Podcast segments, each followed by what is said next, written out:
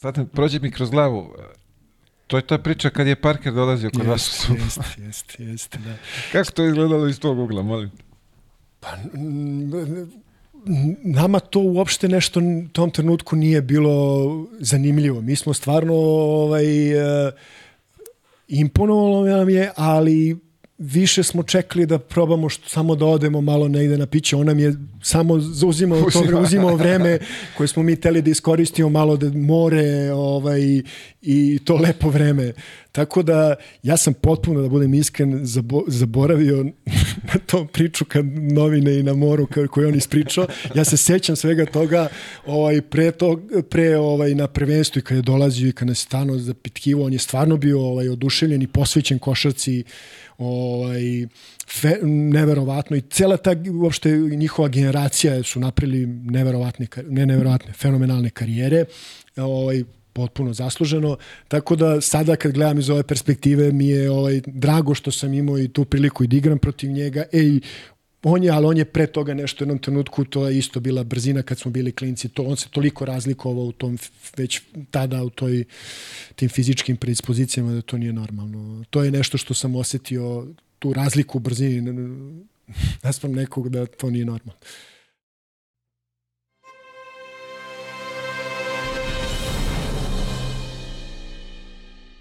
Pozdrav svima i dobrodošli u još jedan Java Mile podcast. Kao što vidite ovde, svi molim vas ko je u mogućnosti da pusti poruku na 30, 30, 15, 24, da pomognemo malo Marku koliko možemo da Iole pristojno živi i bez bola. Uh, zahvalit ćemo se Admiral Beto i Matijašević Vinogradima na sponzorstvu, što nas pomažu da funkcioniše dugi niz meseci uh, i imamo jednu molbicu da nas zapratite na YouTube kanalu, da bi bili u toku šta radimo i kako radimo i da nas pratite, to nam znači, molim vas, jedan subscribe tamo ko nije već, da nas zapratite i pomognete u našem daljem razvoju. Uh, danas imam čast i zadovoljstvo da ugustim jednog, kako ja to volim da kažem, gospodina. Uh, moj današnji gost je inače uh, poslednji poslednji, poslednji uh, uh, član generacije 83, to je zapravo uh, poslednji penzioner, aktivni igrač, je li tako? Jeste, ako verovatno, dobro, verovatno, jel ima neko jest. iz te generacije da je ostao? Pa da ja znam, ne. Nisam siguran, ali da ja znam, mislim da nema. Mislim Dušan da nema. Đorđević je sa nama. Dule, dobrodošao na čašicu razgovara. Hvala puno na pozivu, drago mi je da sam ovde. Hvala na izvojenom vremenu, pre svega. A, kako zvuči sad to, kažemo, poslednji član te 83. generacije koji se penzionisao? Pa, nerealno. Stvarno nerealno. Ovaj, ja to sam iz danjih ne samo ove godine, nego za njih par godina onako sebi dok sam igrao još uvek shvatao kao nešto što je ono prešlo sve neke granice i znaš ono kad si klinac pa nikad nisi zamišljao da uvijek je bila neka 33. 34. aj 35. maksimum, a u 40. baš ja se stvarno osjećam ovaj, privilegovano iskreno ti kažem. A, obično tu smo negde čim pređemo 30. već neki planiraju da. kad će završiti, kako će to, ti si bove mi izgurao to kvalitetno.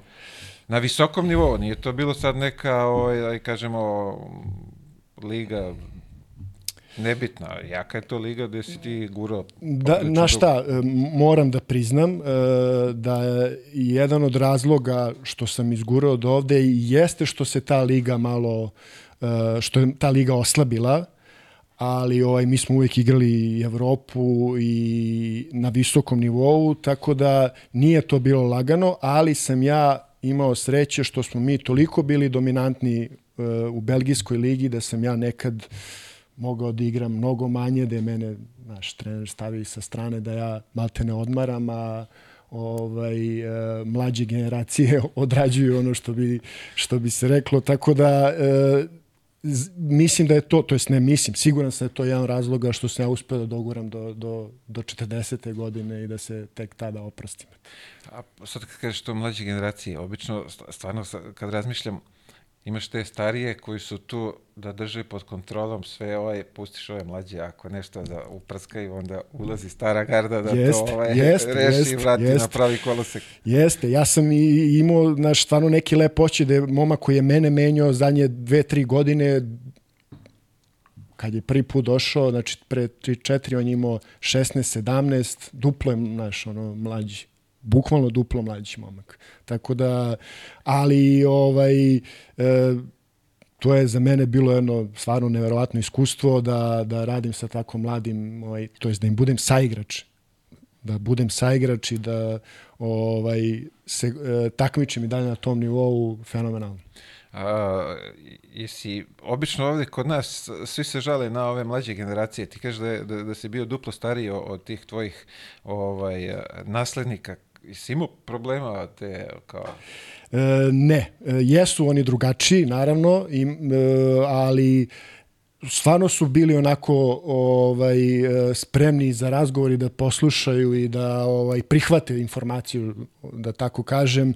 Tako da nisam imao neki. Jesu stvarno naravno velika je razlika ovaj u godinama i u svemu kako smo mi možda i, i košarkaški i, i, i vaspitani i na način kako treniramo to je sigurno ali ovaj i, i moj trener je tu dosta uticao koji je selekcijom igrača kakve je dovodio je bilo mnogo lakše sarađivati sa njima i prilagoditi se. A, pričamo sad o, o tim, je to belgijski igrači, domaći ti? Ima, da, be, većinom su Ili- belgijski ti mladi, bilo je dosta naravno Rukija, Amerikanaca ili neki drugi Finac, jedan je bio vrlo interesantan za njih par godina, tako da dosta njih uh, je dolazilo sa ono, ali većinom su Belgijanci, ovaj, većinom Belgijanci i taj jedan momak Holandjanin koji je odličan playmaker baš, tako da, da bilo je sa, sa više strana. A, skoro smo ne, negde, ne, ne, ne sa, sa kim sam ovaj pričao i kao belgijska košarka je bila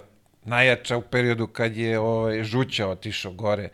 A, tad je kao belgijska košarka bila top je, Evropi. kad je on to... Ali to je neki, slagaću te sada, ne lupim ovde, ali to je baš ono, nemam pojma. Jel on posle priča žuće iz, iz, Le, iz Leskovca? Ne, ne, ne, Žuća bre, Radivoje A, Korać. Radivoje Korać, da, da, da. Bože, izvinjavam o se, njemu, o njemu pričam, jer je on tad je kao najbolji transfer koji je napravljen, on je otišao odavde iz ove košarke, još u Belgijsku, koja je u tom momentu bila top. Sad ne mogu ja sedem, ovde verovatno ljudi koji budu gledali, bit će pred telefonom, moće da pronađu koje su godine bile u pitanju, ali je belgijska košarka tad važila za najjaču košarku u Evropi. E, oni, oni imaju istoriju veliku, ovaj, ali je od tako neko period kad sam ja došao, ovaj, nažalost to posle dve, tri godine, znači neke 13. godine počelo polako to da opada, jer nije im to sport broj jedan. Znaš, nije, e, to je futbal i verovali ne biciklizam. Gde su biciklizam je su prva dva sporta najgledanija, najpopularnija stvarno tamo. Košarka nije, ali znam po nekim sad kad vratiš film bila su neka ona evropska prvenstva u Liježu baš, ovaj moguće da čak i tamo on igrao, ali ajde da da, da ne grešim. slagaćete, da, ne Ovaj, znam gde je da, tačno. E, ona ima istoriju, ali je nažalost nije toliko popularna i ne radi se sistematski po svim gradovima na, na tome. To jest čini mi se sve manje i manje. Prvo naravno i finansijski deo dosta utiče na to, sve manje para. Vidi, očekivao sam bilo koji drugi sport da si rekao, ali Znam, biciklizam. znam, znam, znam. I, ja isto. Ja sam to ovaj, se tamo šokirao kad sam došao. Znaš, to- ljudi prate čak i kad dođu na naše utakmice, pa naš imaš televizore, neke trke sa ono sa strane, dosta njih iskoči i ono gleda, gleda, prati neku trku važnu i ovo. Verujem, Wow. verujem, to je ovaj, Aj, baš popularno. Pričamo, biciklizam, kapiram na otvorenom, nije on u... Da, da, da, u- e, sam u- moguće na zatvorenom da ima, ima dosta i toga, ali da, da, da, na otvorenom su ozbiljne trke Jesam su bio u u, u, u Letkabilis, ako budeš gledao Eurocup, i- on igra Eurocup, ja mislim, da. Da. A, vidjet ćeš teren i oko terena E, imaš tako je, biciklističku tako je. stazu. Ja sam Da, igrao da. tamo i ono kad sam ušao prvi put, gledam, čekaj, Tako je, da, da, da. kako funkcioniše Tačno, igrao sam u toj hali, jeste. Malo je onako čudno, onaj tunelčić dole, prođeš ispod staze, znaš, sve onako. I ovaj, baš kad dođu te trke, to je toliko tamo popularno, Da, ono, da. iako su oni košarkaška sila, znaš, Da, ali da. kapiram da je to, ako sam dobro razumeo, jedina a, hala a, na, na, na, tamo na, u, u tom delu Evrope koja ima stazu unutra. Da, da, da, da, moguće, moguće. Ja sam ovo video takve e, napolju, samo nisam video unutra, ali znam za ovo na otvorenom da je sigurno i oni imaju ozbiljne neke ovaj, bicikliste ovaj, sa kojim sam ja čak i, i, i, i fizički mešan, to ću, možemo da pričamo. To ćemo je posle, interesantno, čuo sam za posle. to, da. da, da, to je isto to ćemo nešto posle, do, sad- dotaći, dotaći ćemo se i toga, da, da vidimo. Zanimljivo. Jeste. Ovaj, a, kako ti je sad, u, u, što bi se reklo, u penziji, bez ovih da, košarkaških dnevnih obaveza? Jel ti to ne do... Mislim, ono, kapiram kad si završio, malo je i leto, bilo je sezona gotova, pa mislio si da je to to, ali sad kad je sezona krenula, ti ostao kući. Jest, jest. Bilo je ovaj isto baš kao što si rekao, naš ono kao i uvek svi dođemo na, na leto, obično ovde, odeš na more, družiš se, pokušaš se vidiš sa što više ljudi, familijom i planiraš da ideš, to je kad sredina avgusta, obično nekad i ranije. Ovaj, e sad je sve to onako prošlo, prošlo i došao prvi, se, prvi septembar i shvatiš da svi okolo kreću da rade, deca idu u školu, ljudi imaju svoje obaveze, a ja ništa. Tako da ovaj, e, jeste bilo čudno i verovatno i dalje se ja malo na- navikavam, ali ovaj, e, našao sam sebi neku motivaciju i nešto što me trenutno ovaj, e, okupira da, da e, nađem sebi neke obaveze koje će zameniti to što sam ja do sad radio i tu rutinu. Meni vratno najviše ta rutina nedostaje, da. koju smo svi, sećaš se, imali ovaj, i navike i to druženje pogotovo, to je ono što mi najviše nedostaje. Košarka, generalno kao košarka, ne toliko, zato što osjećam jedno fizičko olakšanje, Znaš, stvarno e, je postalo ovaj, zadnjih nekoliko godina to naporno, za, iako sam ja do zadnje godine bio nekako uvek zdrav, imao sam sreće s tim, ali je postalo teško zagrejati se, ustajati uvek ujutru, što sam ja donekli voleo, ali postalo je teško. E sad, ovaj drugi deo, naravno da mi nedostaje ekipa, putovanja i sve ono što ide uz to, ovaj, ali uvatio sam nekako sad taj ritam sa drugim obavezama, upisao sam neku višu trenersku školu, bavim se nekim individualnim radom sa dečicom, što mi je stvarno super i prija mi jedino što, što nekako me ovaj, zadovoljava stvarno i eto, nekako ide, ide nekako ka tome da sam ja, znaš, naviko se da je to to. znaš. Bitno je, ok, ajde, p- tu imaš obavezu, sad imaš tu višu trenersku, dečicu treniraš koliko toliko ovaj, neko ispunjenje, nije, Jeste, nije jako lepo. praznina. Da. da, da, da, i stvarno jako lepo, znaš, i dalje si u košarci, a, a opet je rad sa, sa, sa decom koja vidiš da onako jako brzo napredu ispunjavati i radiš stvarno nešto ono što voliš i neke stvari koje stvarno mislim da im onako fale, elementarne one stvari, ovaj, motoričke sposobnosti, tako da stvarno je ono, super. Kako se odlučio na, na, na, na taj ovaj, potez rada sa decom? Pa to je ideja mog najboljeg druga Milutina Aleksića, ovaj, koji je kroz svog sina Lazara želeo da malo ovaj, eh, radi više sa njim na tome i on je tu ideju imao već sad možda više od godinu dana, pa smo mi nešto pričali, on je čekao da man da ja završim, da krenemo, Lazar je imao neke svoje drugare koji je, bi već isto možda krenuli da rade. I eto, to se nekako ovaj, to je nekako krenulo, zaživelo, jer smo mi stvarno to hteli nekako iz ljubavi, prvo naravno prema nekome ko ti je familija i sve ostalo, a onda se naravno moj kum ima sina koji trenira košarku, njegov brat od strica trenira košarku, svi oni dolaze kod nas i kažem ti, nekako je to postalo neka stvarno ono ljubav i sa moje strane pogotovo e, i neka odgovornost prema njima, pogotovo jer su ti bliski. Da, da, Znaš, da, tako da. da, ovaj, eto, tako je to krenulo, vrlo nekako Ček samo da po, pojasnimo, to nije u pitanju škola košarke, Ne, to, je su čisto individualni, tako, je, da, to su individualni treninzi sa decom od imamo 10, 11, 12, 13, 14 godina, ovaj eto to je to je tek onako zaživelo, ali kao što sam rekao to je i cilj da oni što možda ne stignu da rade u toj, tim školama košarke, da mi njima posvetimo neku još dodatnu pažnju na tim elementarnim stvarima. Pa, gledajući ovako, ja mislim da po, ovaj, pogotovo i mlađim, što bi se reklo, talentovanim klincima koji su sad tu, spominju se na velika ovaj, usta, što bi se reklo, ovaj, da im fali baš tih neke tehnike što su propustili u tim mlađim kategorijama da, da usavrše. Na šta, ja sam to, to video kroz te mlade igrače koji su dolazili dok sam još igrao, ovaj, čak i, i momci ti iz Amerike, ovaj, a pogotovo iz Belgije, ti mladi, ja sam shvatio da se sa njima potpuno ne radi na nekim najosnovnijim stvarima koje smo mi radili od stvarno od ovih godina 12. 13. sigurno naš i ovaj i a verovatno, prepo, kako sam malo i obilazio škole košarke ovde, video sam da jednostavno naši ne stižu, što je normalno, Znaš, ne stižeš da radiš sa, sa njima, nije se to svakim, možda ih ima i manje sad nego pre, ja ne znam, ali ovaj sigurno da nešto što, što treba i što je potrebno i nikad neće manjkati, čak i oni da ko to rade, ja sam neke stvari radio do svoje 40. te elementarne, naš, eh, od dodavanja, od motorike, od onih merdevina, ovaj, smatram da to nikad nije, e, nikad nije dovoljno raditi. Znaš. Tako da ovo im samo, ja mislim, olakšava i ubrzava neki proces tako je, tako da je. oni zavole košaku, što je nama naj, ono, naj, najveći cilj.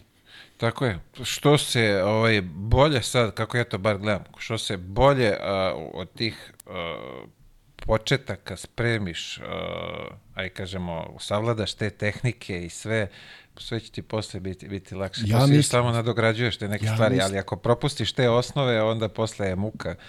I, i uh, ajde sad da ne pominjem ovde ko je ovaj, pričao kad su došli, kaže, pitan ga kako je u prvom timu, ovaj, kad su došli klinci, kaže, brate, ovi ne znaju levom rukom da daju loptu. Da, Znaš, da. To je taj propust u tim početcima, ako ne naučiš, posle muka. Jeste, jeste, sigurno, sigurno, na što je e, još to plus te motoričke sposobnosti kojim treba razviti sigurno je, jer jako su mladi i mislim da treba to i zato što znam kako smo mi to radili, znam koliko mi je to posle značilo u, u seniorskom ovaj seniorskoj košarci kad sam ušao u prve timove, kad vidiš da je neko možda fizički, ne možda sigurno fizički jači od tebe, ti nekim svojim tim tehničkim stvarima možeš to da nadoknadiš, znaš. Tako da siguran sam da to i kažem ti čak i neki stariji sam vidio da da imaju naš od tajminga pasa, od pivotiranja i svih ostalih stvari je ovaj e, jako bilo je čini mi se zapostavljeno. Slažem se, ja sam imao nekih nedostataka. Pa, koje, dobro, koje dobro, nisam si... savladao, ali ne, stvarno, bez zezanja ti, ako nešto ne naučiš posle, stvarno, bre, o, o ozbiljnom si problemu, znaš, i ovi ljudi rade scouting, vide šta ti ne znaš. Tako I ako Tako to je. nisi naučio na vreme, ti si posle samo u većem problemu kako karijera bude odmicala. Jeste, jeste, jeste, slažem se. Uh, viša trenerska, Kako je, ovaj, hoćeš da budeš trener, odakle ideja, kako si, koliko si zapravo dugo lomio za to?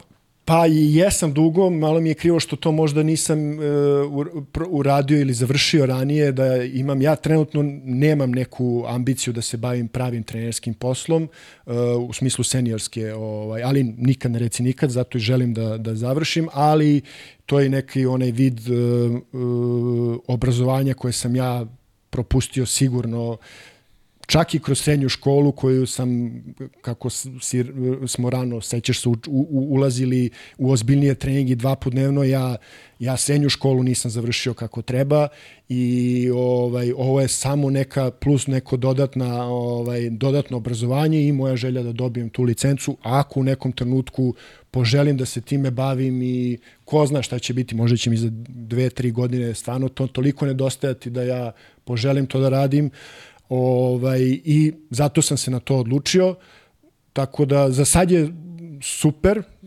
Naravno, e, mnogo interesantnih nekih predmeta koji mi se mnogo dopaju, sociologije, pedagogije, ali nekih predmeta koji su jako teški i da ja sad treba da se malo privikavam, da krenem da učim, da pišem, bubam, ovaj, da tako kažem, što nisam radio mnogo dugo.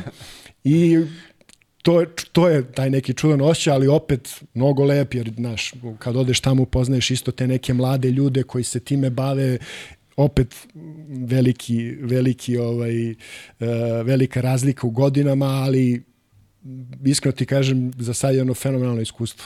E, pa sad, ovo, ti si, aj kažemo ovako, imao vrhunsku karijeru, uh, bio si playmaker, ti si taj koji organizuje napade, mora razmišljaš za, za, za deset njih na terenu, produžena ruka trenera i dolaziš sad na višu trenersku i kao ti bi to trebao sve da znaš i onda ti zapadne tako taj neki da. pregled, ovaj predmet, ovaj sociologija, šta si već rekao, da, kao, da, da. čekaj, brate, jest, kako jest. sad ovo?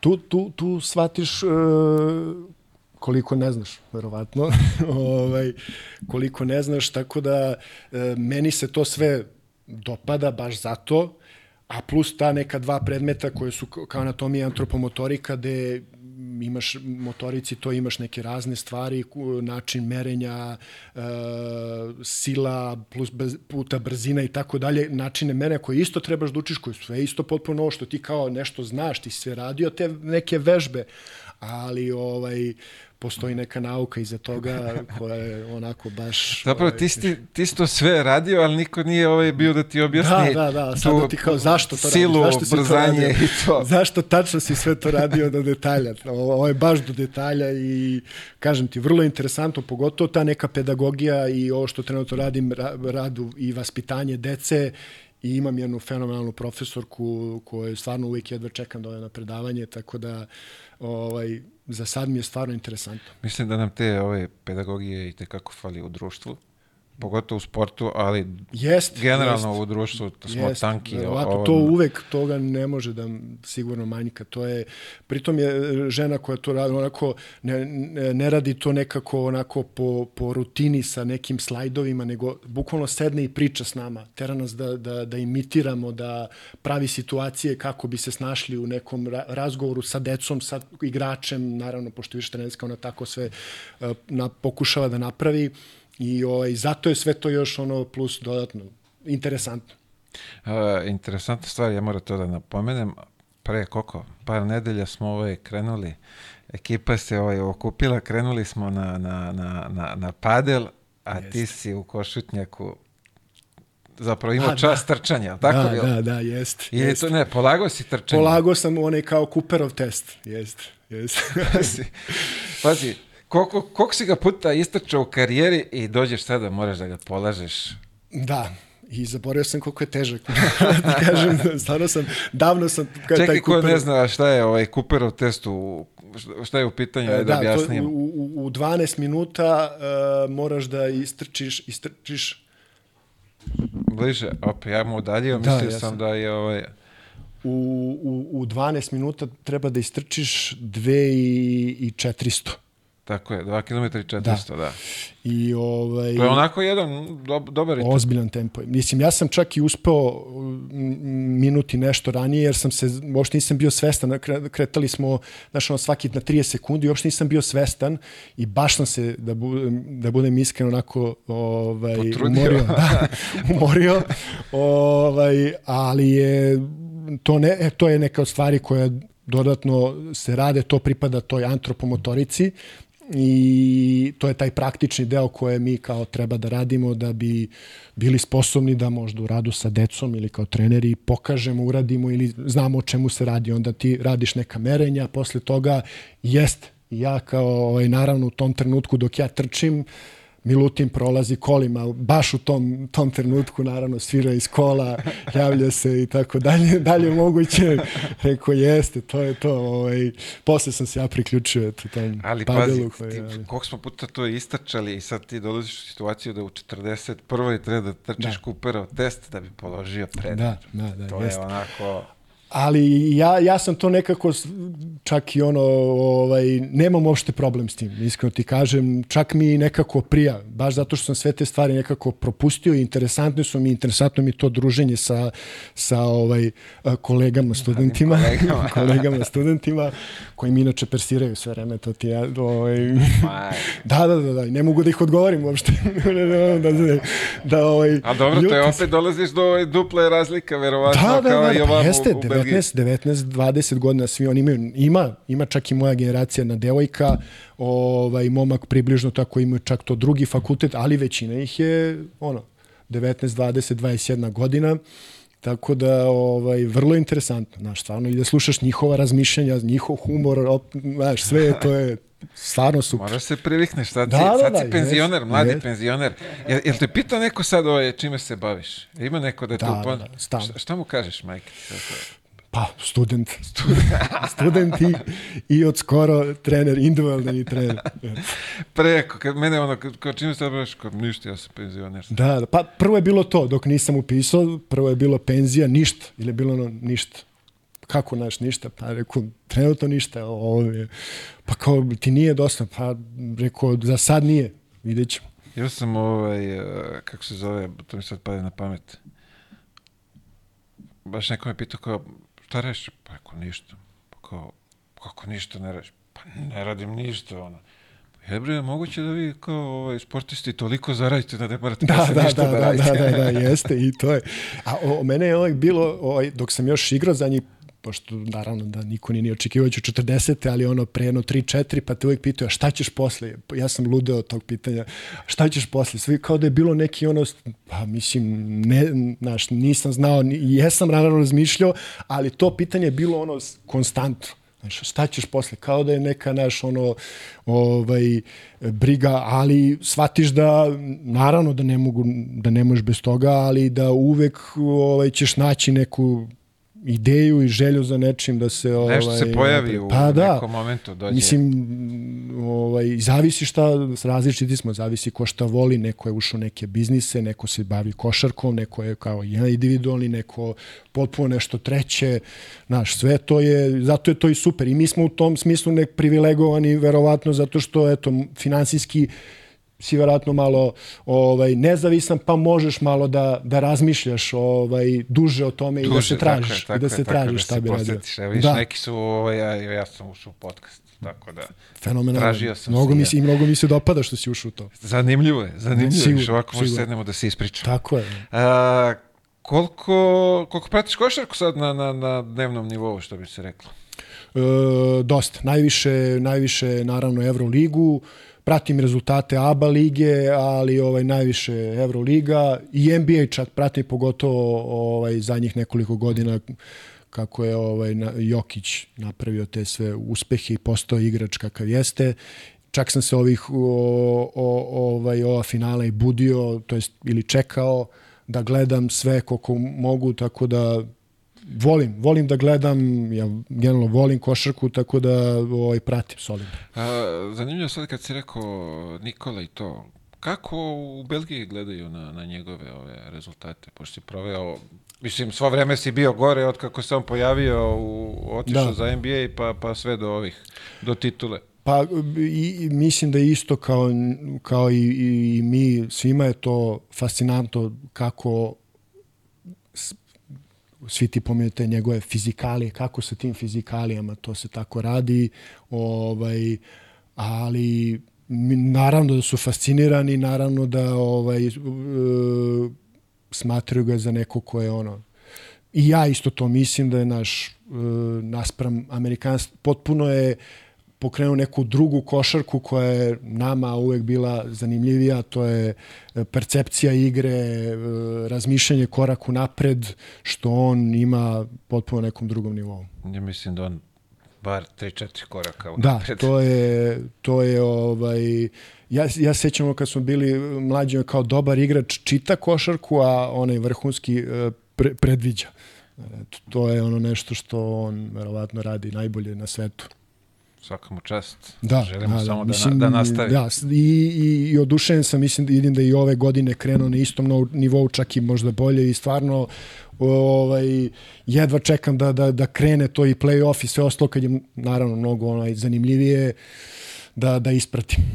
Vidjet ćemo, malo su bili ovaj Van Ritman, zavezali, da. povezali, ove, vezali su neki poraza ovaj, u posljednji utakce, naravno nije ni ovaj Mari bio tu povređen. Pa da, mislim da je dosta da, to uticalo. Malo, malo se, ovaj, što bi se reklo, poremetili, ali mislim da će se to posložiti. Da, na početku, ali na početku su baš izgledali dobro ove, ove sezone. Onako, pa dobro, da, dok se ovi vrate svi, posložit će se oni na kraju, samo da ostanu zdravi. Uh, veće ti Euroliga, pratiš, kažeš, ovaj, kako si vidio, što me zanima prvo, prošle godine? To jest prošla sezona. Pa, e, prvo da kažem da je mnogo drago što ovaj, imamo na tom nivou i Zvezdu Partizan u Euroligi. Ovaj, e,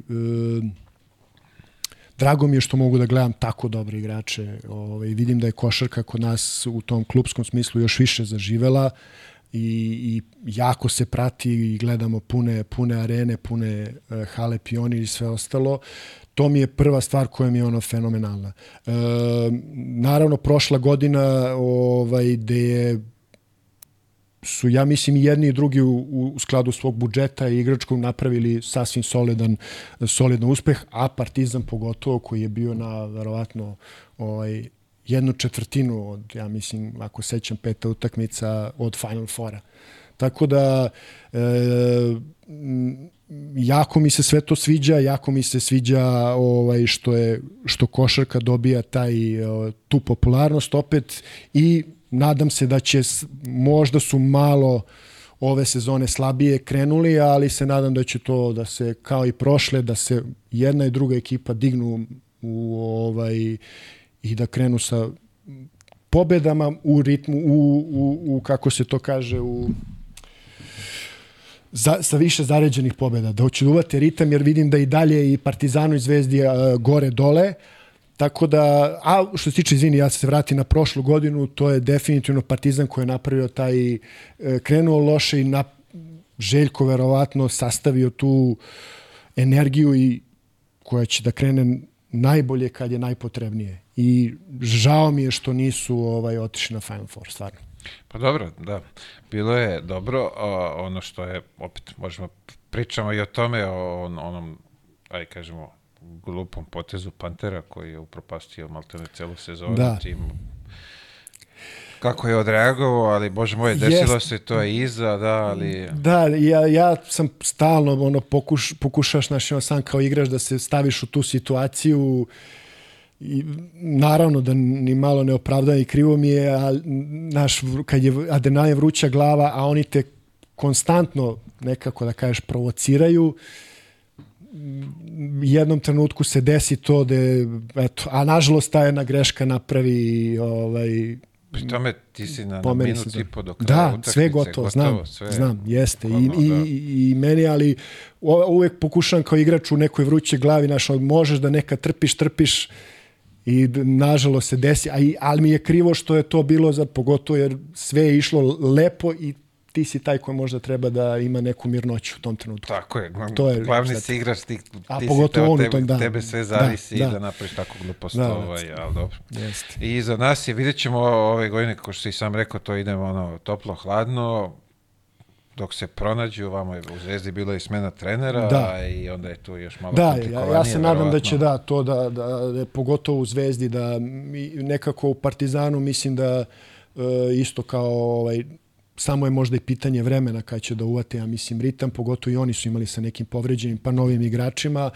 a kod Zvezde mislim da je to krenulo nešto malo sporije ove godine u Euroligi, ovaj, pardon, da, u Euroligi uh, i mislim da oni čekam da oni krenu da uvate ritam i da se možda ta promena trenera uh, potpuno isplati. Eto.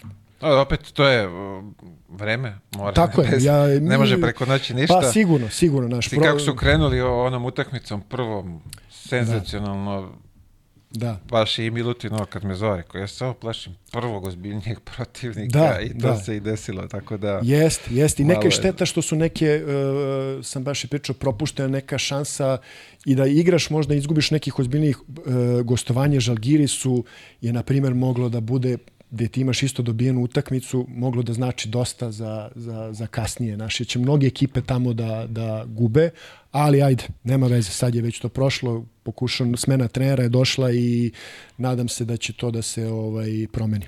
Uh, ABA Liga, ako Zvezda je za sad dominantna, Partizan je tu izgubio neke utakmice, Igo Kea je onako ozbiljno ovaj, taj vrh zaljuljala rezultatima, pobedama, tu je naravno i, i Mega ima dobrih utakmica, onako malo mi je, ja sam više za to odmah da, da, da kažem da ima više tih ovaj, pobeda malih ekipa. Jer to onda čini tu ligu zanimljivijom i, i daje neku draž i, i ti manji, naravno oni uvek se lože da dobiju, svi se lože da dobiju Zvezdu i Partizan, to nije ništa sporno, ali kad ih dobiju onda je to još Znaš i sam kako je. Jest, znaš, jest. Motivacija je do neba i onda kad, kad ovaj, uspeš u, u, u tome što želiš, onda je to još, još slađe. Da, da, diže samopouzdanje svakoj toj uh, manjoj ekipi i slažem se sa tobom da, bi, da, da to znači da bi trebalo da budem, da bi svi voli da bude liga ujednačena da ima što više tih timova koji mogu da, da pobede ili da budu konkurentni sa Zvezdom i Partizanom koji su ovaj, verovatno i po budžetima iznad svih tih timova, ali videli smo da, da, da može. Ja sam čak i gledao Megu, Megu protiv Partizana uh, uživo, a ovaj, Igo Keu sam gledao celu i mislim da je sad Zvezda definitivno tu u prednosti.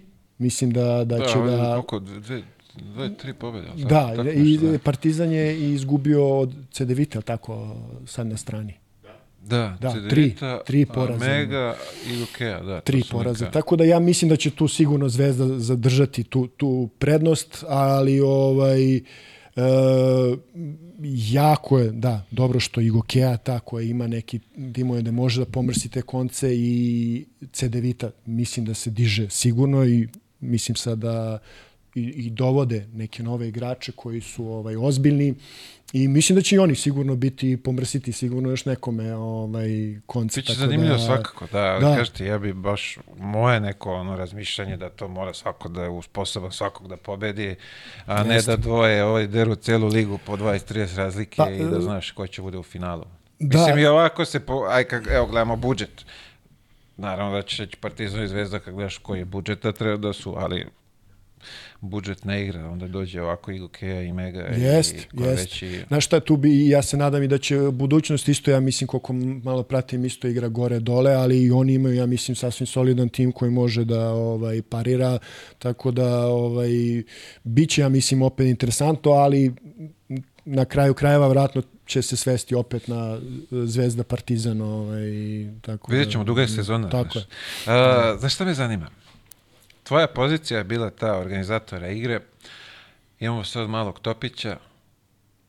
Kako ti vidiš njega trenutno i, i, i to njegovo poznavanje košarke i igru, s obzirom da ste igrali, da, da si igrao tu poziciju. Ma, e, meni se on mnogo dopada. I ono što mi se, što sam ovo za malo što sam ga gledao primetio, ovaj, e, čini mi se da, da, se, da se ne vide te njegove godine. Još uvek. Ne vidiš neko neiskustvo. Ja sam ga gledao i to uživo baš protiv ovoga. On jeste negde grešio, ali on je na kraju opet dobio loptu i čak i na kraju možda izgubio neku loptu koja malo nije bila odlučujuća, ali on je, on je uzeo odgovornost što se meni mnogo dopada. U, u ostalim stvarima on je, e, vidi se da je obučen tehnički i ima e, ima atletske sposobnosti koje mogu da, da ovaj, koje bi trebalo da budu za vrhunskog igrača. E, ono što ja mislim da sigurno treba da se radi mnogo više na njegovom šutu i automatizmu i sada ja ne budem ono niti sam ja bio ovaj da neko ne shvati pogrešno neki vrhunski vrhunski šuter, ali za ono što ja mislim da bi njemu jedino što mu u ovom trenutku vidim da mu možda fali kao da za ono što ga predviđaju i što ja se nadam da će biti jednog dana odlazak u NBA, e, to je ta stvar. I to je samo verovatno e, neki e, trening i to je sve. Apsolutno. Znaš, nema ništa tu da, da se po meni e, popravlja. E, kao što reku, meni se mnogo dopada, vidim da tamo dobija šansu ozbiljnu i da, se, da je lider ekipe i samo nek tako nastavi. Čini mi se da ono što znam i što sam čuo da su radne navike i ponašanje fenomenalno. Što je, ja mislim, i najvažnije. Uh, skoro sam isto, ne znam sa kim pričao, s obzirom komu je Ćale. Da. Tako da ima, ima Da, verovatno da, i taj jest, balans jest, kući kad dođe da ovaj malo Tako je. Da, da, da. neko s njim sedne, popriča. I ne, ne izgleda kao neki momak koji pogađa puno ta priča o njemu i on, mislim da je to najvažnije da, da, znaš, da, da, da ostaje na zemlji, da, da trenira, da radi, da se posveti tome i da, da uživa u tom procesu, da tako kažem. Mislim, čeka ga mnogo, Tako opet, je, to je ako tek ima- mora da radi, mora da se nadograđuje, da se usavršava, ali je Sigurno, na, na, sigurno, na sigurno. ozbiljno dobrom putu. Ma najvažnije, kažem ti, da stvarno da vidi svato da uživa u tome, ovaj, u tom radu i procesu koji vodi ka tome što, daj Bože, bude jednog dana NBA liga. Bravo. Uh, KLS liga, bar gledaš to tanko, tanko. Jako slabo. To, o- toliko je, zbog ko- toliko druga, je ovaj zanimljiva da je... Pa ni- nije čak i to, ne, ne, ne, ne može da, stvarno ne, ne, ne može da se stigne generalno, toliko ima i ovih e, interesantnih evroligaških utakmica, znaš, jednostavno ne, ne mogu da stigne. Pazi, ako, ja ne znam ni da li to prenosi. E, Imaju neka prava, ali evo, ja ne znam da sam naleteo na, na, Da. na jedan prenos u poslednje, ne znam koliko. Da, ne znam ni ja, iskreno. To možda ima na onom 16. ili 68. kanalu, znaš, pa tamo negde je gurno, pa Da, ne, ne znam slučajno tačno, ako da. naletiš, da kao evo tu je i kada se radi. Otišao sam jednom jer mi je bilo u hali sportova, su igrali ovaj, Dinamik i... Da li Tamiš, neko tako neko. Ovaj... Ja nisam ni znao, bre, da, da, da, se, da igraju u hali. Da, nisam ni ja, nisam ni ja, jedan moj bivši... Dinamik je vezan za dole, za Dorčel, znaš, Da, da, da, ono da, kao, oni su ok, tamo- dole su, ali kao nešto sad ima ovaj da problem, hala ne Da, ne znam, uslove, ne znam, meni, a meni je to, to jest nama je to pored i, ovaj, i onda sam shvatio jer jedan moj bivši iz Beovuka sa igrač igra tamo, pa sam ovaj, zato shvatio da im kako izgleda. Zanimljivo je. E, kako gledaš na, na, na, na ove tvoje ajde kažemo kolege, ja te smatram već da si trenerom, ovaj, mladi kolege koji, koji to jest to je naša generacija koja već polako osvaja ove trenerske uloge. Mm, e, drago mi je da dobijaju šansu i nadam se da će toga biti sve više. Mislim da, da kogod se prepozna u, u, u, i, i oseti se da je posvećen trener, mislim da mu treba dati šansu i sad nevezano dalje to od KLS, ABA lige ili nekih drugih evropskih, bilo koje evropske lige, meni je to drago da vidim jer znam koliko kod nas e, uopšte i sa ovih naših prostora ljudi vole sport i košarku pogotovo i koliko su u tome. Stvarno, ja, moj, moj trener u, u Ostendu je malo stariji od mene, par godina, i ja znam koliko on voli, koliko je posvećen. Znaš, i, I sa naših prostora i ovde momke koje znam, koji su do nekad ili igrao sa njima, ovaj, se bave time i mislim da to e, treba da se ceni. I kažem, nadam se da će biti što više. Ja se nadam da će i neki ljudi koji vole, o, vode klubove prepoznati ovaj potencijal u njima i dati im veću podršku i šansu. Mislim, podrška je još važnija ne, nego šansa. Tako. Ovaj, ti daš šansu nekom, a i onda ga smeniš posle tri utakmice. Tako je, mora da se Ali, istrpe. tako je, mora, kao što trpiš i stranca od 2,5 miliona kad greši, moraš trpiš i mladog trenera. Pa ja, ja mislim da jer to je sigurno isto, kao što smo ono pričali, za isto proces, naš, može na trener neki novi na kratko nešto jede, ali na dugoročno moraš nekome da daš šansu ovaj, da bi se i on razvio, naši mladi treneri se kroz, kroz igrači i saradnju sa nama ovaj, razvijaju i uče nešto novo, sigurno. Dajemo im podršku i želimo im svetlu budućnost. Veliku, veliku Tako da ti rekao si da ne želiš ovo je nešto profesionalno, ali dobro vidjet ćemo. Da, kako- to je kako za sada se- taj os, vidjet ćemo. Kako će se Nikad ne ovaj, reci nikad. situacija, tako je. Uh, idemo do rubrikice ovaj, povratak u, u detinstvo, da vidimo kako je izgledalo tvoje odrastanje. E, ja sam ovaj, vezano za košarku me pitaš ili uopšte? Generalno ovako, košarkom ćemo posle da se... Da, e, na šta, ja sam ovaj, e, odrastao u jednoj naj, e, o, o, običnoj, ovaj, da tako nazovem, familiji, gde su mi e, roditelji bili fakultetski obrazovani, radili u, u državnim firmama. i ovaj naravno ono kad od kad najviše pamtim sebe to su počinjene 90. godine vesele ovaj, 90. da vesele 90. koje ovaj naravno ima od ovaj, sankcija od plate od 5 maraka, 10 maraka i, i, i, i da ne kažeš neke eto, borbe. Ovaj, to je nešto što ja pamtim, ali najviše pamtim naravno kao početak kroz košarku. E, mi smo živeli u Kneza Miloša pa se preseli na Miljakovac. Ja i Burazer smo rešili da ostanemo u istoj toj školi i pamtim najviše po tome, po tim putovanjima autobus Miljakovac jest. Tu sam tu sam najveći deo detinjstva proveo i kao što kažem, to su te 90. godine gde autobusa ono nije bilo nikad, gde smo mi koristili razne ove, druge opcije kao što je stopiranje, na primjer, gde sam ja, verovo ili ne, imao u tome jako puno sreće da se prevezem do grada, čak i do treninga. Ovaj, tako da, eto, najviše kroz to, a onda od svoje neke 10. 11. kreće košarka i bavljanje time i Kako si zapravo i krenuo s košarkom, s obzirom manje više ove, stani, izvini, Šta imaš da mi kažeš o mačevanju? pa, odlično si se ovaj istražio. E, ne znam.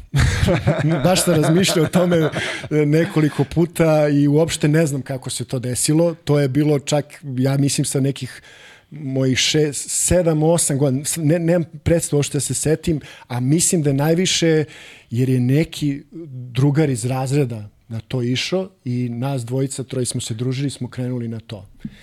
I ja sad pamtim par treninga, ali pamtim da smo se onako baš dogovarali svaki put kad uđem u, učionicu, kao danas trening ili idemo, a sad da li bi nešto znao, znao bi samo ono prvi, onaj, onaj kako držiš i deti je ruka, verovatno. Kako ovaj. izgleda, molim te, nisam nikad imao priliku ikog da upoznam ko se bavi mačevanjem. Kažem ti... Možeš išta da mi doče, ajde ti, to što pamtiš te treninge, kako, kako to izgleda? Šta, jako, šta jako radiš? slabo pamtim, ali to je isto uh, fokusirano na rad nogu i celog tela, znaš, koliko, koliko se ja sećam. Znaš, to je, moraš da štitiš sebe, moraš da napadaš sebe, znači to je maltene ozbiljan ovaj, rad nogu potreban za sve, sve to, što možda meni je to dosta značajno posle, u košarci u svakom sportu ovaj, koji sam voleo da... Čekaj, da, mora da, mač u jednu ruku, druga na kuk. Pa krenu, da, da, tako je neki početni stav sad za dalje, sva, kažem ti, to, to je jako... na Vites koju, bre. Da, da, to je ono, tri musketare, to, to je prva asocijacija, verovatno, ovaj, onaj film, ali jeste nešto što ja stvarno nemam, nemam, ovaj, iskreno ti kažem, nemam pojma kako je to krenulo ovaj, i ne pamtim puno, samo pamtim eto tih par nekih situacija gde su stvarno ovaj, se dogovarali i išli na to ovaj, redovno. Ali Sad. vrlo brzo je prešlo to na druge i Čekaj, a basket, je to isto nešto iz škole ili je bilo neka selekcija? Ne, više, ja sam mnogo više voleo futbal, uh, igrao ga mnogo više. Igrali smo i košarku, ali mnogo više futbal. Čak sam i pokušao da, da odem na neke treninge, ali tada je, i ne znam kako je sada, ta neka selekcija kad si mali, stavite sa mnogo njih, ni ne odrediš pravi trening, nego to ono vas oni bace, igrate futbal otprilike 20 na 20, kao da li oni tu prepoznaju nekog ili ne prepoznaju, ne znam. Ja se samo tog treninga sećam i ja sam vrlo brzo otišao na košarku i to je najviše zahvaljujući mom bratu koji je već igrao, koji je stariji od mene, već igrao košarku u jednom klubu koji se zove Vojvoda Stepa, I ja sam tu prvo krenuo, otišao na treninge i ispostavilo se da sam da, da, da sam da je, okay, da je bilo zanimljivo da ja i vrlo brzo su se to desilo da trener iz Beovuka dođe tada možda se još uvijek Tašmajdan zvao mislim da je Beovuk već prelazio da do, posle par meseci možda godinu je došao da me, da me gleda i ja sam prešao ovaj, u Beovuk i tu sam proveo ovaj, sve te mlađe, prošao kroz sve mlađe, mlađe kategorije, kategorije. Beo Vuka i koje je bilo jedan vratno najlepših perioda. Ovaj, Zanima me ovaj, kad je krenulo to sa, sa basketom, maštanja tvoje i uzor neki, Pa svi smo, ovaj, ja mislim, bar svi uh, se divili naravno naši, to je taman tako je to 95. se vratila naša stacija ovaj, na, na, na, na evropsko prvenstvo i šest sedmica dalje što je išlo, ali prva neka je ta 95-a i naravno Sale Đorđević i ostala ostala je uh, ovaj uh, ostala grupa igrača fenomenalnih i legendi naših i tako ja mislim to to najviše krenulo, a onda smo počeli NBA da ja pamtim naravno Michael Jordan i ta finala gde ja sećam se budim te kas video kasete se bile budiš se i vraćaš premotovaš nazad samo pre škole da bi video dalje pobedio Znaš, nisam gledao ni celu, nego samo taj kraj da vidim dalje je pobedio i ono finala neka ovaj, šeste, sedme i osme naravno čuvena.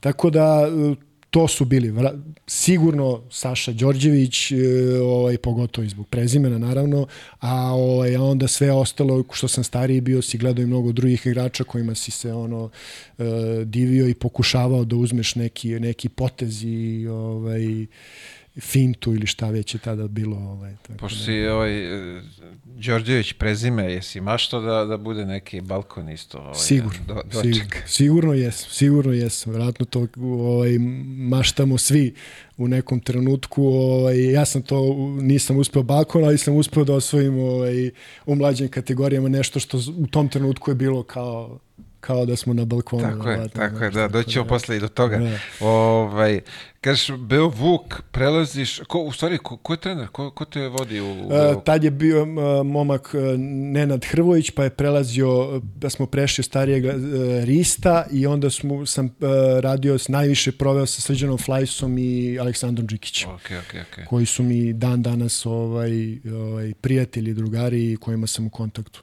Kako je ovaj, kroz te mlađe selekcije, s obzirom, e, ovo, ovo isto je, nisam, ja mislim, nisam nikoga iskoristio iz Beovuka da pitam. Ne znam zapravo ko je ovde, koliko sam imao njih iz Beovuka. Yeah. U stvari, znam da je bila reakcija jedna, to mora, evo sad ću ovde, pošto si ti ta Beovuk ekipa, uh, neko je nešto rekao da je pobedio Beovuk. Ne, ne, dakle nešto bilo, znači, posle, koliko se ja dobio poruka, brate te ovaj, ovaj laže, ovaj, mi nikad nismo ni od koga da, izgubili. Da, u, u, Vuk, u Vuk Karadžić u školi. Tako je, da nešto je bilo, ja, znači, time smo se dičili, da, da, da, nisam, da. nisam mogu da verujem, znači, da, da, pogodilo da. ih je bilo Jeste, baš dobro. moguće, da. moguće, time, time smo se dičili da kao u Vuk Karadžić u školi niko nije mogao da A ne mogu sad, vidiš, ne, ne, ne mogu setimo o kome se, o kome je da, bila da, da, reč. Moguće da, se desilo. posle ova ekipa tvoja iz Beovuka šalje poruke. Ovaj laže, mi nikad nismo izgubili, mi ovo, mi ono. Ali je jako redko to da se dešavalo, moram da priznam, ali verovatno se desilo nekom trenutku. Sigurno. A, je li istina da je uslov da bi bio u ekipi 10 klekova? verovatno, verovatno. Ove... Ovaj- to su isto, ono dok smo bili klinci u vršcu još, kao u fazonu, ne možeš uđeš 10 klekova, ne možeš i da igraš kao, ili tamo spremi se kad budeš desetku mogu, a da iscepaš, onda možeš u ekipu. Ne, ja stvarno pamtim da je to dosta davano vremena na, na toj fizičkoj spremi i, i, i ti, te vrste ovaj, e, kažnjavanja su bila stalno. Od sklekova do, do kamikaza, do nečega. I vratno smo zbog toga bili dodatno ovaj, spremni, ali se insistiralo dosta, sećam se na, na kontakt, kontakt igri. i tad. A niste vi toliko bili da, u kontaktu. Da, da. da. Nije tačno. Pogotovo u Vuku. jednom sam imao priliku u Vuku da igram i ono je bilo... Da, Samo da. jednom, nisam, nisam moje. Da, ja dugo, dugo nisam ušao tamo, vratno bi izgledalo... Popularna ovaj... škola Vuk Karežić, ko ne zna ovde na... To, gde to spada? Šta je to? Dorća? Nije Dorća? Uh, ko je to uopšte? Pa vratno, da, Palilo li možda. Da, je to, Palilo, da. Da, da Palilo, ne, mislim, to je kod ovaj, 28. marta i Takovski ugao. Tako je, tako je, tako je. Jeste, jeste. Ali popularna škola Beo Vuka, tako da, da je tu bilo ovaj, pobjeda se napreznala. Pa, jeste. Posle nisam ni ja to nisam. si rekao, bili smo ovaj, u kontakt igri.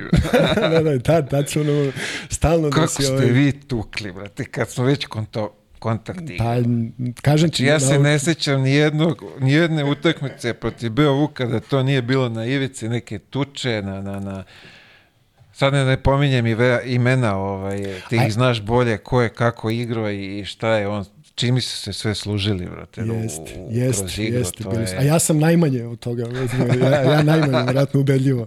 Ovaj, ne, ja pričam za ovu moju poziciju, o, Znam, za, jest. za ove gore, ali stvarno A, ste bio, bili... Na toj poziciji je bio jedan čuveni igrač koji nije nikad izlazio iz kontakta. Tako je, jest. tako je. Ovaj, uh, Ali stvarno ste vi onako, sad ti ćeš me ispraviti, dominirali ste vi u tim mlađim kategorijama? Je, e, sad da, ko, moguće da ću nešto, ali stvarno pamtim da smo u svakom nekom uzrastu ovaj, osvojili neku medalju. Stvarno. Bilo je uvek završnica. Jeste, stvarno jeste. Stvarno uvek. I onda smo, čak sam ja, smo svi mi igrali, već, mislim ne svi, većina igrala za, i za starije, za, osam, za dve godine starije. Tu smo uspeli uvek da uđemo na neka, neka finala, baš pamtim i protiv u Užicu, možda smo izgubili po Podgorici, pa u hali FNP-a gde smo čak, ja mislim, u juniorskom uzrastu ovaj, i osvojili.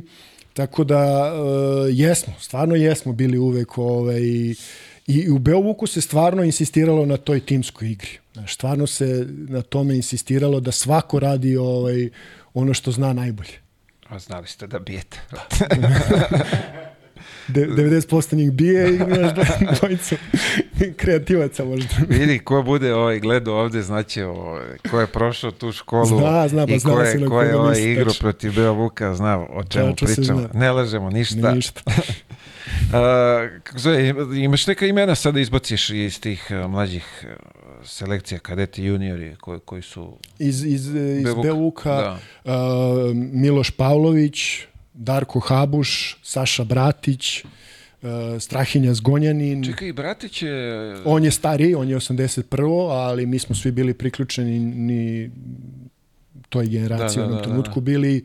Ovaj, tako da, da Marko Mušikić koji nažalost se i povredio i imao koji je zajedno, zajedno sa mnom, on je mislim da tvoja Četvrto. genera- četvrto.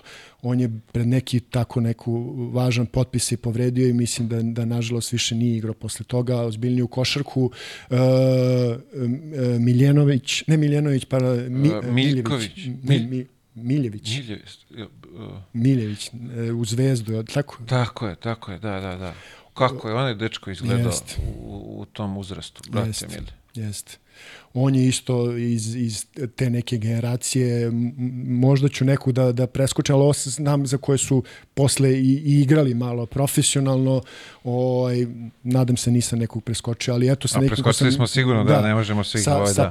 Milošom Pavić sam i u kontaktu, Habušem naravno i sa celom tom nekom generacijom ovaj, se i dan danas družim i viđemo se ovaj, koliko god možemo. Ovaj. Vidiš, to je lepo posle toliko ovaj, godina Jest, da ti jest. ostanu prijatelji Jest, i da, da, stoperi. da, Da, o- imamo baš neku grupu da je ono, insistiramo, bari makar jednom godišnje svi da se vidimo.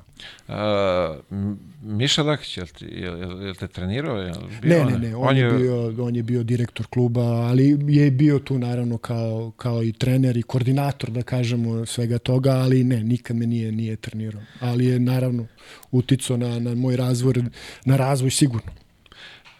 Zanimljivo je jedno, ovaj, kako bi to rekli, zanimljiv jedan sportski radnik. Da, da. Znaš da ću imati prilike i ovaj, s njim da, da sedne porazgovaram. Pa mislim da, da, da, znaš, da bi trebalo da ćeš čuti to što je stvarno e, to je je, naš... izvini što ti prekidam, a, 50 godina je bilo nešto, sad ove godine ili prošle? Beovuk. Sam tako, ne, ne, je, nešto, jeste ne nešto skoro, neku... znam da nisam bio, da, jeste bilo nešto skoro. E sad kad je bilo, Da, ne, ne znam ni ja tačno. Neko mi je rekao da, da jeste, sad ne znam Da, da, da li je jeste. ove godine ili prošle. Da, ne znam ni ja tačno, ali jeste nešto relativno skoro. Men, malo sam izgubio pojam vremena. Seća se da je bilo. Jeste. Da, bilo mi zanimljivo, da, vidjet ćemo. Popričat ćemo posle ovaj, oko toga. Uh, ti dobijaš, Beovuk je imao i onu neku seniorsku ekipu koja je igrala, je li tako? Onu drugu, prvu Jeste, srpsku, kako da, je bilo? Jeste. To je ono kaljenje vaše pred, Jeste. što bi se reklo, ovaj malo ozbiljniju Ja, košarku. da, s- s- nisam 100% siguran, mislim da je to, je, to je sa 81. e, s- kad smo to, to njima priključeni, sa da, ja mislim da sam ja imao 15-16 godina i nisam 100% siguran, ali smo igrali krenuli od te Ne, čak mislim da smo u prvu srpsku ušli koja je bila, mi nismo imali ni jednu pobedu, ja mislim, bukvalno bila je užasno jaka, pogotovo za nas koji smo svi bili tako mladi. Ovaj, I to ja mislim da je jedna od stvar, stvari koja je bila ovaj, jako dobra za nas. Jer smo mi stvarno osjetili tada, pamtim, a mislim da je tada bilo jako dobrih igrača i mislim da je ta liga bila i plaćena, to su bili profesionalci, nije uopšte bilo, ja mislim, verovatno ko danas da je to polu ovaj polu amaterski, da. a tad sam prilično siguran da su oni zarađivali, tako da to je bilo jedno, ja mislim, fenomenalno iskustvo za sve nas, koje nam je sigurno je olakšalo da možda i u tim juniorskim utakmicama sa svojom generacijom ovaj, se osjećamo bolje, dominantnije fizički, da odgovorimo lakše na svaki neki ovaj kontakt i takvu igru. Tako da jeste ste to. igrali, gde ste igrali prvo srpsku? Niste mogli u Da, Vuku? ne, ne, mi smo već e, jako brzo počeli da treniramo igramo na Torlaku gore. Aha, Kumadrž. aha, aha, E, toj hali okej, smo okej, igrali. okej. Toj hali smo To, to igrali. ima uslove o, Da, za, da, da, da, jeste, imaju male deo tribina, jako funkcionalna hala bila. I onda smo ispali u, dru, u drugu srpsku, sve vreme smo to igrali u drugoj srpskoj, ja mislim tu jednu godinu ostajemo, možda nekog uspemo i onda smo, ja mislim, posle druge, treće čak i osvojili drugu srpsku, kad smo malo svi stasali i prešli, vratili se u prvu, posle toga smo već polako svi ono, Razilazili. odlazili da i bili... I, pa pamtiš li neko gostovanje? Zanimljivo da je bilo onako, s obzirom da su to tereni vrući, Da. a i vi ste bili u kontaktu, kapiram da je bilo zanimljivo gostovati.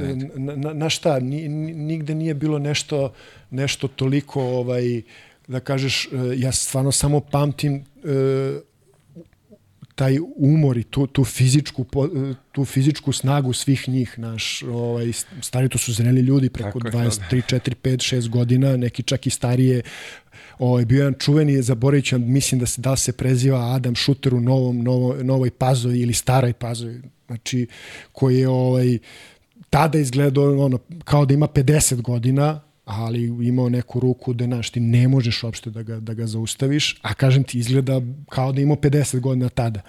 Ovaj, tako da pamtim stvarno najviše po tome, neka vruća gostovanja nisu toliko bila, ovaj, specifično što tiče publike, možda i jeste, ali sam zaboravio, ali najviše pamtim po tom ono, po, bukvalno tuči da stvarno nas nisu štedeli ono, nas kao klinci ni malo. Dobro je to iskustvo koje je prošao. Sigurno, ne, ne, verujem je stvarno je, to, ovaj- naš, mnogo to znači. Je, ja, ja zato vidim zašto i no treneri uvek pokušavaju bar na trening da uključe te mlade igrače, znaš, da, da, ovaj, da osete tu čvrstinu nekad. Jer potpuno je drugačije. Ko je prošao drugu srpsku, prvu srpsku Sigurno, sigurno. i dan danas, ja mislim ko igra da je ovaj da je to ako ništa znaju bar da udare. Verovatno, verovatno. To su do, do, do ozbiljne domaćice terena. Kakav je bio prelazak u, u pravu seniorsku košarku? Pa, e, mi smo, nas par je potpisalo, mislim ja, Pavki, baš Marko Mušikić, potpisali sa radničkim e, Jugopetru, da, sa Krsta, sa 18 godina i e, šteta je što taj tim je tada u tom trenutku e, već polako krenuo da se rasipa, finansijski pogotovo, ali za nas je bilo super jer smo i mi možda kako je planirano na početku da, koliko ćemo priliku dobiti i jer nismo veliku zato što su bili onako zreli i bolji igrači. Zbog finansijske situacije gde oni polako odlaze, napuštaju, mi dobijamo šansu i igraš već sa 18 godina prvu ligu koja je bila jako dobra. Uh, Dule tad? Trener? Ne, ne. Ili otiš? Uh, Dule je otišao godinu pre. Ja mislim, e, mi smo, mi, e, meni je prvi trener bio Muta Nikolić, koji je u toku sezone ili već posle par meseci otišao u Zvezdu. I onda je došao ovaj, e, pokojni Jaca Petrović. Šta ste. Tako da, e, jedno isto, super iskustvo, jer zbog tih odlasaka i finansije situacije koje smo mi jako sećamo, onako bukvalno dobiješ, smo dobili tri plate i tu, se, tu je stalo sve, ali smo dobili šansu da igramo, nažalost ispali smo jer ne znam, imali smo možda jednu ili dve, to, to čak na primjer pobedu baš protiv budućnosti koja je bila jako dobra, nešto tako smo izveli nemoguće, ali ovaj je bilo fenomenalno iskustvo da znaš, ti stvarno igraš protiv ozbiljne ekipe i to su i da, tada bili oni ozbiljni košarkaški centri kao Kraljevo, oba tima je imao e, Leskovac, Vršac, e, naravno Partizan, Zvezda, e, verovatno sam još neku zaboravio, Spartak, Subotica, verovatno je igrao, tako da sve to je bilo ovaj, na, na, na većem nivou i mnogo bolja situacija i u, generalno u, košarci tada ovaj, sa tim na, naše, i naša liga, što je najlepše, ovaj, su se bili ti razvini svi ti centri košarkaški ovaj, po Srbiji. I gde god da odeš, nisu sigurni bodovi. Kako? Pa mislim, za nas sigurno, ali i za prve ekipe, znaš, i za, i za ove najbolje ekipe, izvini, ovaj, budućnost, tad Partizan, sigurno taj je bilo, pardon, i Cetinje, bilo, ja mislim, Bravo. Znaš, tako da, znaš, sećaš se, min, minus 20 stalno u hali. Neverovatna hala. Jest, tako da, Ovo da je- fenomenalno iskustvo, sigurno i ovaj, kažem opet, nažalost, iz te godine ovaj, finansijski nemaš ništa, ali ovaj, tate nije to ni toliko zanimalo. Te si da samo vidiš gde si i na kom nivou sa 18 Se godina. dokazuješ. Da. Ko je od, od starih bio u, tada u toj ekipi? E, krenuli smo sezonu sa e, jako dobrim po meni timom. Bio na playmakeru je bio Šubara, e, Goran Ćakić je bio, Pera Božić, Kijac, Razić, nas trojica kao mladih, Miloš Pavlović, Mušikić, ja, Veljko Tomović je isto to bio s nama i moguće da sam nekog propustio, a onda u toku se do, doveden je Zoran Nišavić, ja mislim isto na početku na, na, na playmakeru, međutim, kažem ti, posle, posle par meseci već to je ovaj, Pa se sad imena koje si nabrao, imaš ti tu lepo ovaj, od koga i da učiš? Da, da, da. Samo što su, kažem ti, nažalost, svi oni otišli i Šubara i, i Zoran Nišavić. Mislim, nažalost, Da, da, nisam da. mogao da ali su, na kraju sam ja dobio dobio priliku da, da igram prvu ligu sa 18 godina. Znaš. Tako da ima tu ovaj, ima tu nažalost i, i dobrih i loših strana što možda sam kroz neki duži sparing ili trening neko iskustvo mogao, ali opet ništa nije vratno u spoređenju ako imaš 30 minuta igre. Znaš. Tako da ovaj, ispalo je na mene, za mene super. A, ti posle toga ideš za Rusiju, ali tako? Jeste, jeste. Ja se vra, vraćam kratko u Beovuk. Koliko godina ti ideš za... Koliko si imao godina kad si otišao? D- 20 tačno. 20. 20 tačno. Ja sam se uh, vratio u Beovuk i onda sam ovaj otišao u, u lokomotivu tada u Rostovu je tada Rostov, bila tako je, da. koja onako tek ja mislim e, počela da se razvija ako se dobro sećam tek razvija u, u ozbiljniji klub kao što je dan danas ili kao što je možda i bila u jednom trenutku Evroligaški ali mislim da je taj predsednik koji je moguće i, i, i dalje tamo tek došao i ovaj i počeli su ovako da stvaraju e, i bilo je dosta i mladih ruskih igrača čak i tada mlađih od mene ali ovaj to je bilo jedno vrlo interesantno iskustvo e, To je tvoj prvi odlazak od Tako kuće. je, jest. Zato te pitam koliko si imao godina kad si, Da, kad si da. otišao. Kako to? je? Jeste, Mislim, jeste. tranzicija tvoja, odlaziš od kuće, daleko je...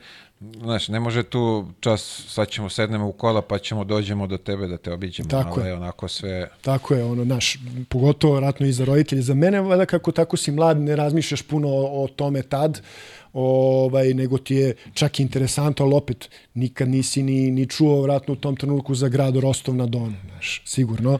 Ovaj, Možda iz geografije da si čuo za te- Don i to da, je... te kažem ti, nisam srednju školu.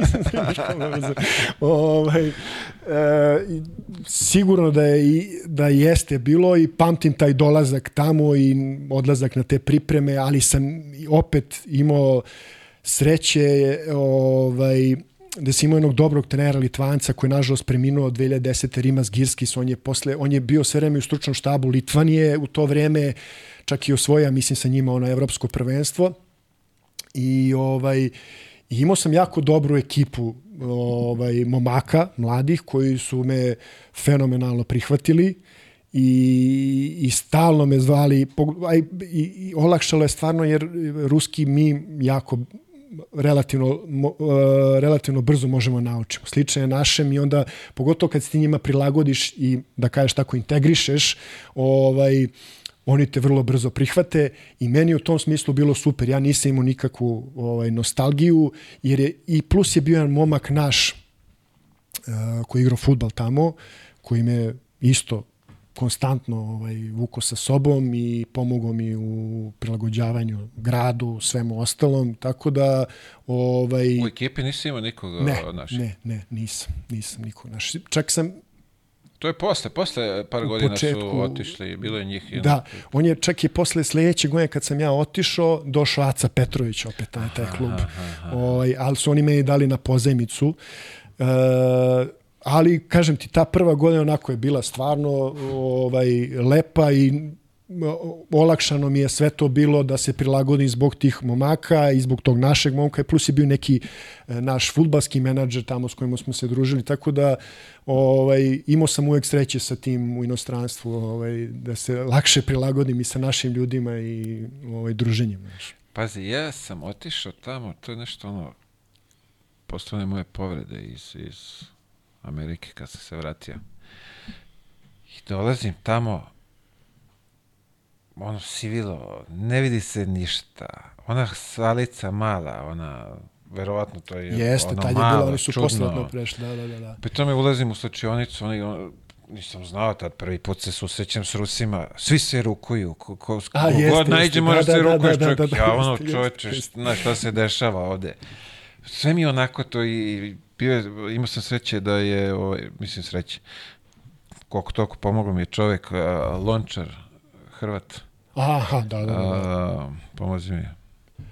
A, a, a, a, Jo, ja sam zaboravio, to je čak i moja baš generacija, Marko. mislim.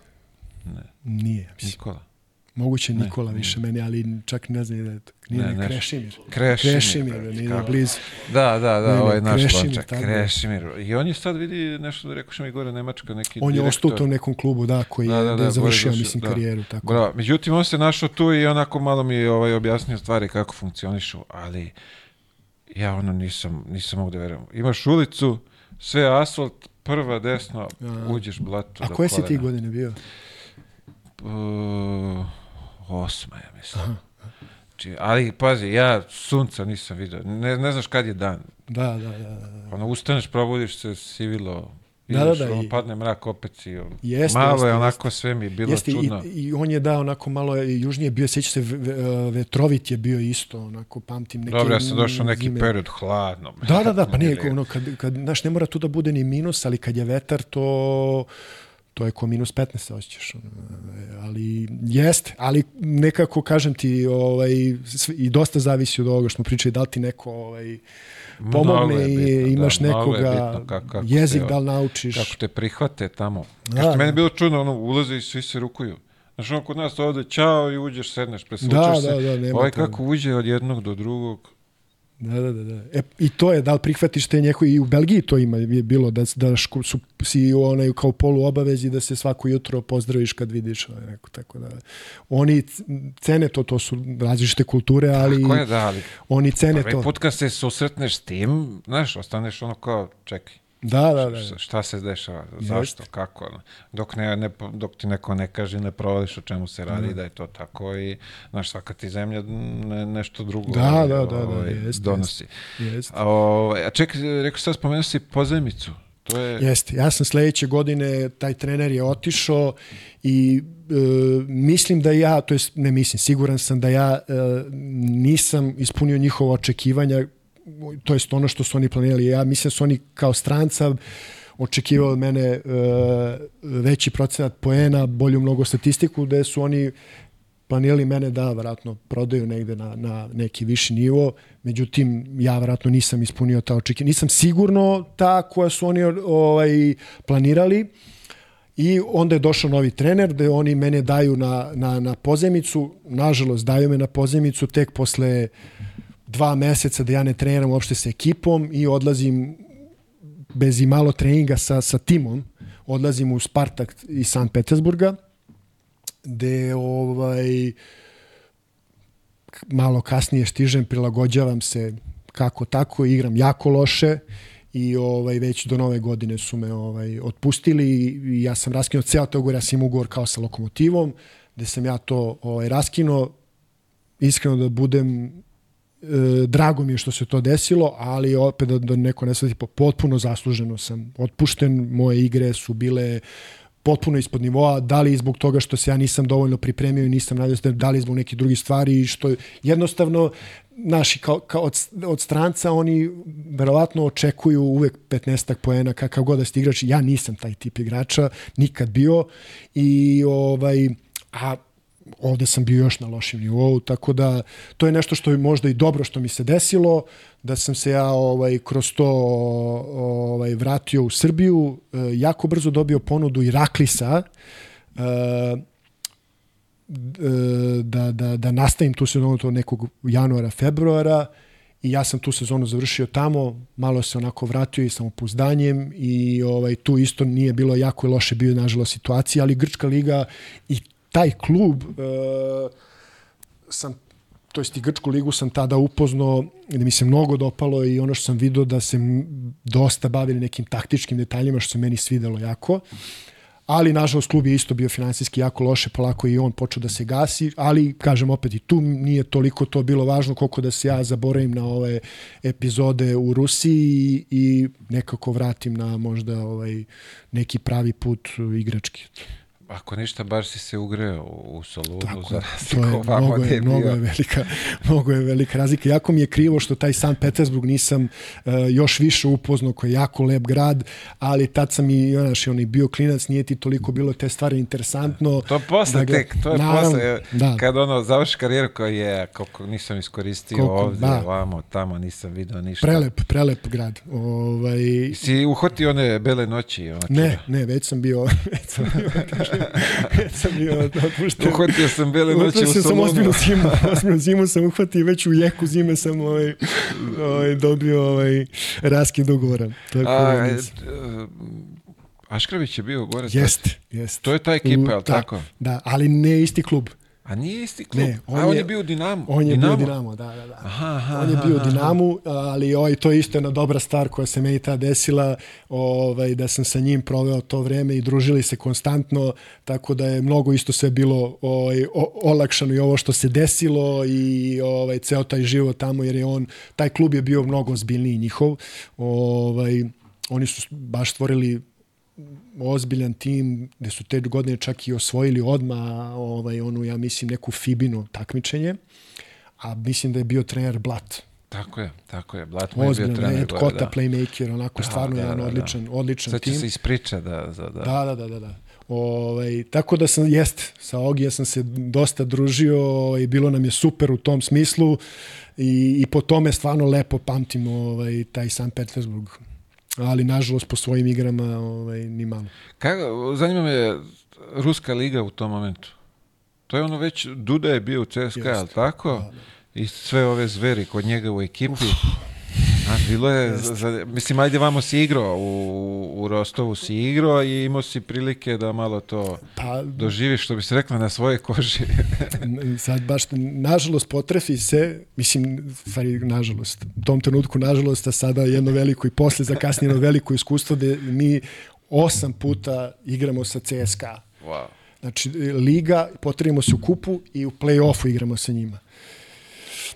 I tad ono stvarno se susretneš sa realnošću naši, sa tom Euroligom i koliko je to da onaj, kod dan danas pričam, pored ovo što smo spominjali e, Nikolu Taševića kao jednog od najboljih odbrbenih igrača i najdosadnijih, ovaj Holden je bio neko ko ovaj, je, je meni ovaj, olakšao sve u budućnosti ovaj, i moju igru jer osam, osam tih utakmica, ja mislim da on nijednog trenutka se nije zadihao, nijednog trenutka je bukvalno bio od linije do linije ovaj, u presingu. To ja ovaj, nisam vidio, to je bilo neverovatno. Još gore igrati odbrana na njemu. Veruj mi nije, veruj mi. Gore u napadu. Veruj mi, mnogo je teško bilo samo da je prenesem do pola, da, da ne istekne 8 sekundi ili koliko je bilo. Veruj mi, samo je to ovaj, bila ideja i da prozovem akciju i dodam prvom da do sebe. Sklonim. da se sklonim od lopte. Skloni se i ne smetaj. da, da, da. Veruj mi da ovaj nije. Ovaj, on, on se bavi, on je bio odličan fenomenal playmaker, imao ostali igrači oko sebe i jako je puno i razigravao, baš je bio ovaj, i mnogo dobar tip, pa sam ga ja i sretao, on je inače pre toga i pre CSKA igrao baš u Ostendu, pa je dolazio radio kao scout, pa sam ga sretao u Belgiji, nekoliko puta smo se ovaj, podsjećali na to, to jest ja njega, on na, ja njega na tu muku koju mi je zjedao. On ti nije ni za, znaš kao, on me nije ni da, zapamtio, da, kao ja sam je njemu rekao da smo se upoznali. Mislim, možda jeste jer osam puta, ono, stvarno se potrfilo mnogo, ali ovaj, drugačije. Ne, Ja, vidi, imali smo prilike jednom, ovaj, uh, oni su tu da ih je dovodio ovde na pripreme Mhm. negde. I mi smo isto s priprema i u, u, u, u, u Čačku. Nekako oni spuste se i tu se kao Da, spusti da. i kao odigramo utakmicu. Majko mila. Da, da. Mi njega nismo mogli lasom da Da, da, da, čudo, čudo. Stvarno je bio, ovaj, ja sam i posle, posle malo u starijim godinama potkačio, ali ovaj, tada je bio u punoj, to je neki 25-6 godina naš, ovaj, verovatno tek je ono krenuo da se malo, ne znam koja mu bila, snešćan se SK, ali verovatno i neko dokazivanje plus bilo tad. Ma neverovatno. A ja mislim, ovo je to prva godina, ako, si, ako Moguće, se poklapa moguće da je da tad, jer ovde Šakuta kad je bio da, da je pričao, oni su uzeli 2002. titulu uh, dole, a on je bio kod njega, pa je onda Duda... E, to je to, da ga jeste, doveo u- u 2000, CSKA. ja sam 2003. četvrta igrao. Tako je, da, to je njegova prva godina, ja Jeste, mislim, jeste. gore. Da, da, da, da, ono, pun, Da, mislim, pun on koji je došao, ovaj, ono gladan i, Ma, da, svega borba za... za... A pritom stvarno fin, ono, normalan ovaj momak, ono, stvarno fenomenalno. A, da, ko je spomenuo nešto da je ona od tih svih crnaca da je stvarno Da, da, da, da. kažeš da, nema nikakvih tih crnačkih manira da je Ja što da nisam ga ovako, ali ovo da posle kad sam ga, da, posle što sam ga sretao u komunikaciji je bio fenomenalan, stvarno. Baš onako jedan prijatan momak i ovaj i stvarno mi je drago što sam eto tad igrao i što ga što smo posle to imali i iskustvo jer stvarno ga smatram za jedno od ovaj, najboljih Amerikanaca koji igra u Evropi verovatno mislim. Slažem se s tobom, delimo mišljenje. A, zanima me putovanje kroz Rusiju. Da, jeste, to se verovatno i ti sećaš ovaj, jako dobro. Da, sreća naša što mi nismo igrali Evropu, pa je to nije ne bi bilo na, na tom nivou i toliko učestalo. Ali ovaj jeste, jeste bilo ovaj nešto novo. Jedina možda tu dobra stvar što su imao, imao si nekoliko timova u Moskvi, pa si mogao isto da spojiš ovaj par utakmica kao što rade možda u NBA-u, da tako nazovem, ali ovaj avioni, taj osjećaj, pogotovo tada i, i ovo kasnije godina sam posle vidio oni njihovi lokalni letovi uvek su bili Lokalni onako neprijatni. i- O, i- Imaš osjećaj da će avion da se raspada. Da, da, da, baš je, baš je neprijatno, onako hladno, plus, s- ne osjećaš se nikad, ovaj, ne osjećaš se nikad 100% sigurno. Ja nemam, nemam taj strah, ali pamtim ovaj, stvarno to kao nešto i pogotovo jer sam tad se ja susreo isto prvi put sa e, toliko učestalim putovanjima avionom, znaš. Pri tome je daleko, bre. Da, Kapiram, kad ti kad si igrao da, je, da su bili bre i oni tamo kod Japana, kako se zovu? E, nije. To je bio ušao posle, ja mislim, dve godine, ali je bio, na primjer, sledeće godine je bio Surgut. Tu smo ono, otišli. To je, to je bilo nešto ono interesantno što sletiš, a tamo minus 37. I onako naš grad sve e, sve jedno te isto, onako sve napravljeno sve, u, u, kao jedan onako da su ga stavili u jednom potezu i sve ti je tu, jedan restoran, jedna kuglana, jedna diskoteka i okolo sve pokriveno belo, e, belim snegom i to je to, ali minus 37. Znaš, no, stvarno pamtiš ono kad izletiš na lice ti se osjetiš kako se smrzela. 37. Da. Ja sam dogurao do minus 28. Da, da, ovo je Nisam bilo ovo, da. Zanimljivo. Surgut, jeste. Je li bilo ovaj uh, premija na, na, na ruke u Džakčetu i to je? Si do, doživio te momente u Rusiji? E, i, i, nisam u džakovima, nisam u džakovima, ali jeste, sve je bilo, sve je bilo kovertice, čak i ja mislim tada i sve plate koje smo dobijali su tako bile. O, ja čak imam jednu, jedno neprijatno jako iskustvo iz, iz, iz uh, Sankt Petersburga, gde ovaj, smo mi naravno dobili tako novac u, i desilo se da mi dobijamo nešto kasno uveče, posle tipa nekog treninga. I ja odnesem platu, naravno, kući sa sobom, jer ne mogu da ostavim u banku, a ovaj, sutradan rano putujemo, nije ni bitno gde. I ja naravno ostavim pare kući. Razmišljao sam se da li, da da li nostiš, da li da, ovaj, da li ostaviš, ja rešim kao aj, usput, otkud znam da negde ih ne izgubim u putu i to mi je prolazilo kroz glavu. Međutim, ja ostavim, naravno vratim se. Ovaj, Klepili? Da. Zajebaš. Pritom e, sve zaključano, sve cakum pakum, ništa pomereno nije. Znači samo nema para tamo gde sam ih ostavio. Tačno, ono, znali su da je Pa, legla znaš, plata. mislim, eto, ne, ne, ne, jako Glupo je bilo da je kažu da si kažnjen, pa evo, kao daćemo Pa, ne znam večeras. da šta je, mislim to je vrlo brzo, to s toga sam dobio otkaz, ali ovaj, dalje je to bilo ovaj, Sastavni deo te deo ceremonije. Svega toga, svega toga ne znam, ali jako je ružno iskustvo jer ono, stvarno se osjećaš, pogotovo to naš, ono, i u, u, u toj Rusiji, u San Petersburgu živiš u nekom, do, to jest do zgrade dolaziš kroz neki prolaz, kroz neki mrak, stalno je neka bljuzgavica, ne osjećaš se posle, pogotovo posle toga se ne osjećaš sigurno e, ni malo, ovaj, ja, pogotovo kad još plus kad imaš uh, 21 godinu samo, tako da... Pri tome, uh, ja što sam doživio, one ruske zgrade, brate, imaš ona jedna vrata, pa uđeš. Pa onda imaš onog čuvara tamo, pa imaš druga vrata, pa onda tek dolaziš tamo negde do onaj face control, ne možeš ući u zgradu, bre, Da. da. da ulaziš u nasu. Moguće, ja nisam, ja sam ovo sve da se živeo su bile neke ono regularne, ovaj, ali sve je bilo onako nekim ćoškovima, moguće da su tu ima isto da su vodili To sam- računa dosta o, kao ovaj, obezbiđenju. Svaka zgrada ima svog špijuna, bre. Pa da, ili, ili On da. cinkara, sedi dole Da, da, na da, da. vratima i Da, šta da. ti pa komunizam, bre. Jest, to jest, sigurno, verovatno je Oni su imali rezervni ključ i došli, pokupili lepo uredno. Ja sam, ono, znaš, ne, ne, ne možeš ni na koga da upireš prstom, ali prilično sam siguran nešto. Kao oni uzimaju neke otiske, nešto, ali mislim, naravno, nikad to se ne ti šta... ovaj, Pogotovo ti u Rusiji. Ma, jel, To je, posjeća me na ove, na šta su radili ovi u Iranu, to si čuo vjerojatno, oni su lepili onaj lovu za, za sebe dok su igrali. Bilo je Ne. njih par ovde koji su dolazili na tekmu, dolaze na tekmu, a znaš kako se ide tamo? Znači ti sletiš u Iran i oni te odmah iz aviona vode na utakmicu. Da, nisam. Steva Milošević je ušao na kraju druge četvrtine ovaj, na teren.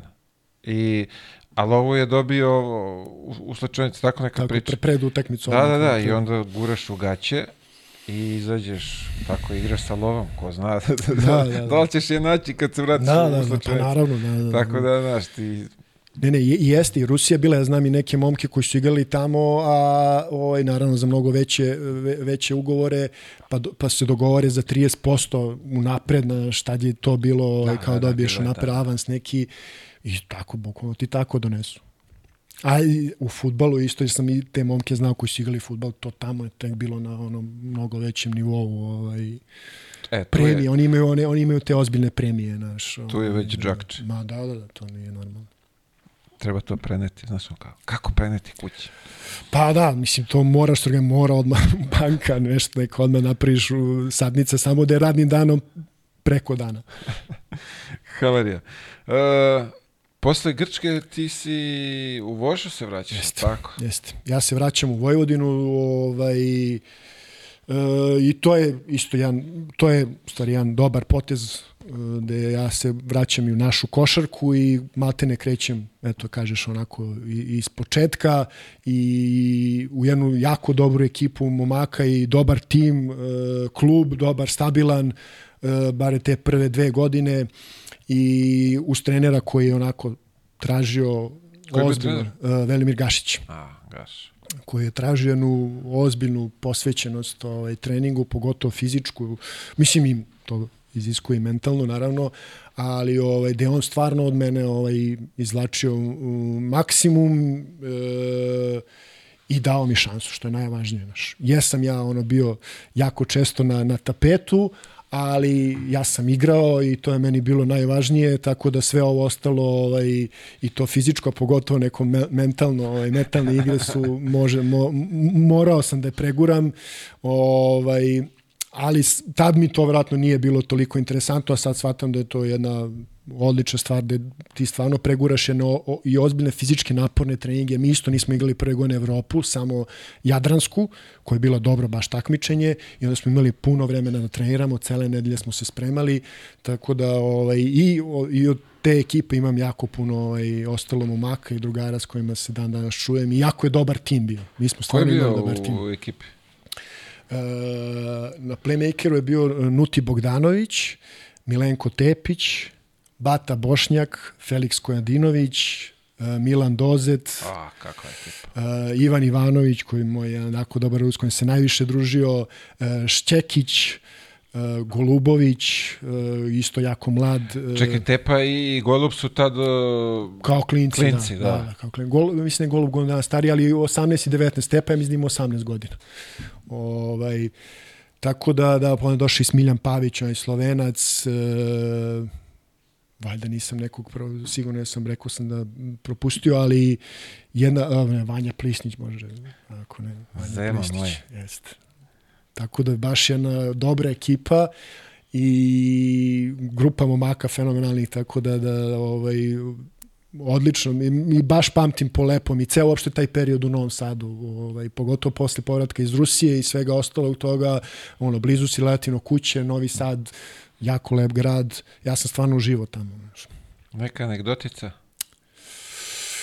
Pošto je Doze tu, verujem da je bilo E, Poslednje vreme dozet nam je kro, kro, ovaj, spominje se kroz sve razgovore. Joj, da, ne, ne, pf, možda ću, ajde da se Šega je setim, neka da, bila da. sigurno Ne, ima, znam da Pancović priča, njega ja nisam ono poznavao, oni su bili malo kao stariji, ja ga pre nisam toliko poznavao, ali možda ću se setiti, ne mogu sad te anegdote, jako mi usputne. Ono, više sam, oni i Ivan Ivanović su se onako družili i pamtim ih po, po tom humoru, ali ovaj, ne mogu sad setiti neke baš specifične, ovaj, možda ću kasnije. S obzirom da zna ljude da otera u ludake sa, sa zajebancijama, Da, ovaj, da, da. pretpostavljam Ja da sam, je- ja sam više od Ivana Ivanovića, je- od njega sam više na, nastradao ovaj, i da je znao da mi onako promeni brojeve telefona ovaj, i da me cima porukama po ceo dan. Ovaj, to mu je bila jedna od omiljenih, od omiljenih fora da sam nekoliko puta nas, naseo.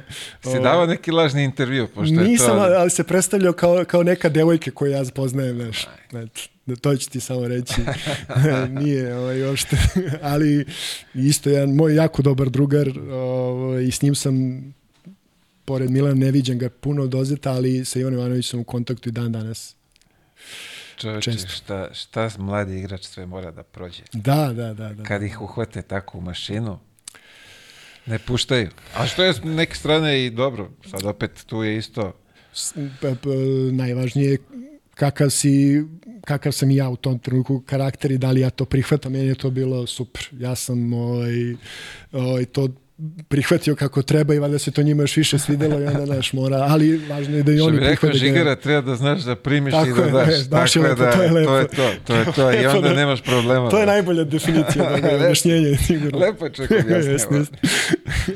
Treba da znaš da, kako je rekao, da daš i da primiš. Da, šalim. Tako da, da, tu carski. A, kad je bila Bosna? E, To je bilo posle Voše ili... Da, da, da, da, posle. Ja sam tri godine proveo u Vojvodini i onda je, ovaj, nažalost, isto i tamo su krenuli ozbiljni finansijski problemi. Tu poslednju godinu smo ono nešto stalno, treću stalno i štrajkuješ i boriš se za neke ono pare, da li je tu nešto bilo vezano za NIS, ne znam, Srbija Gas, ko nam je već bio sponsor.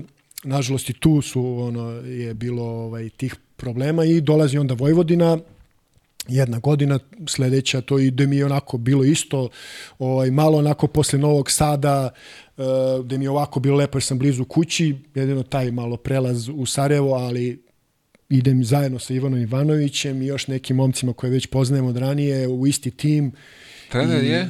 e, Tre, krenuo je jedan momak uh, iz Sarajeva, baš Abaz, ali je smenjen A, posle vrlo Alen brzo. Abaz. Da, Alen Abaz, posle nekoliko kola i dolazi Vlada Vukojčić. I, ovaj, I mi u tog trenutka stvarno krećemo da igramo baš dobro i ja sam imao onako individualno možda jedno naj, najlepših, ovaj, najboljih sezona svojih, tako da pamtim stvarno po lepo. polepo. Čekaj, i tamo je neka frka bila Jeste. sa novcem, je li tako? To je jedini klub da ja nisam uspeo da, da na kraju naplatim sve to što sam, što sam zaradio. Svuda to i Vojvodina i posle Olimpija, gde god sam bio je to e, bilo problema, ali to je jedini klub gde, gde nisam uspeo jer je kre- krenulo baš loše i sledeće godine, a mnogo je bilo uh, dugovanja od ostalih igrača i pre mene i Bosna su u jednom trenutku ovaj, ugasila posle godinu, dve, tri, ne, i u smislu da je promenila ime ili znaš kako to sad rade, ne znam, ja sam, promene samo jedno, jedno ovaj, firmu otprilike i dugovanja se zaborave otprilike. Tako da, ali ovako je bilo košarkaški je bilo super. Nažalost nismo uzeli titulu koju smo trebali jer smo tačno pred kraj onako nekako odigrali loše, ali ovaj u ABA ligi kažem, jedna moja individualno sasvim dobra sezona. Ovaj, gde ja na osnovu toga i prelazim u, u Olimpiju, već se dogovaram i par meseci ranije, ovaj, odlazim sledeće godine. Naravno. A, podsjeti me za, za, za, za, za Sarajevo. Za, jel ta godina kad je bila neka frka u, u, u nekom izlasku noćnom? Ne, Ne. ne, nije sam. To sam nekom je rekao, ovaj, a nekako ne mogu da nabodem neko ko je bio u tom momentu tamo šta se izdešavalo. Ne, ne, ja, ja ne sjećam se, nisam imao, čak baš sam imao ovaj, lepa iskustva tamo u izlasku ovaj, i uživo sam. Stvarno uživo. Lepo je Sarajevo, mogu ti reći, Da, da, da, onako je, da. Treba ga upoznati. Znači, treba je, ga da. upoznati. Mi uvek vratno dolazimo oni s nekim predrasudama, ali ga treba upoznati stvarno su ovaj, i, na, i navijači ovaj, koji jako vole košarku, barem je tad to bilo, tako da pamtim po lepom. Znači, pune hale i ovaj, Te najbolji ćevap u Sarajevu. E, Meni se, e, meni se najviše svidelo o, ćevabđenica mrkva. Se. Mrkva. Da. Ima, e, na baš čači su oni čuve, bože, sad će mi stade mozak. Ja sam zapamtio tu da mi je nekako bilo najbolje. Vratno će ove Sarajlije da se da To, se to, to. čuju naljete. Vidjet ćemo Vratno sad, ovaj ostavit će, ostavite. Šta priča, šta Ček, priča. Sad ćemo da ovaj. vidimo, ovaj, tražit ćemo dole u komentarima da nam kažu gde su najbolji ćevapi u Sarajevu. A, ovo, Da, da, da, to, sigurno, sigurno. Zato što ovaj, sam ja jeo, uh, išao sam uh, uh, futbaler, kako, kako, jel tako? On ima svoju. Ima neko da drži. Na baš čarši je, bože, Ali i dve baš sa, ovaj, je bio sa Abazom i on kaže, ne, tu petica je top. petica, da, da. da, Tako ima je, i petica, onda tako. sam stvarno otišao sutradan u peticu. nisam, ja, ja nisam Ali komplikovan. pita ja u Bosni. Da, da, sve to je, ja, ja nisam komplikovan oko toga, ja, ja sam ob- obožavam jedno i drugo i ja sam svuda jeo, ali nešto meni je ostalo da ne znam zbog čega smo mi jedno vreme se tamo stalno išli u mrku, eto to je ovaj, Pazi, pita u Bosni.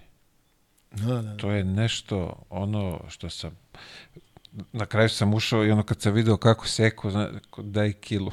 Da, da.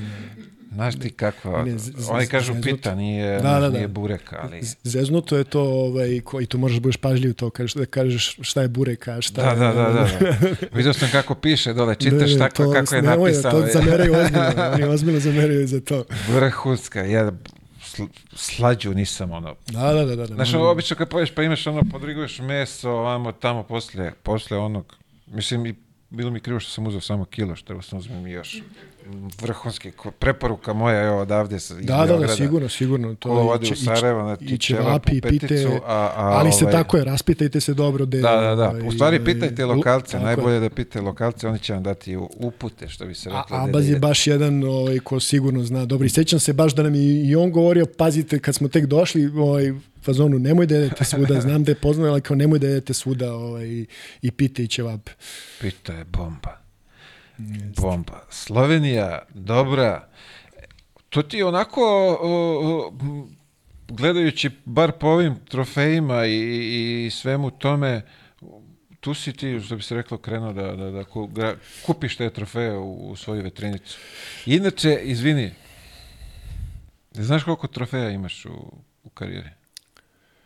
E, pa mogu brzinski da ovo je u Belgiji je samo, znači računam samo kup i, i prvenstva je 19 za 12 godina ovde je znači 20 Krka kup 21 eto i, Slo, i Bosna kup eto 20, 22 22 trofeja eto.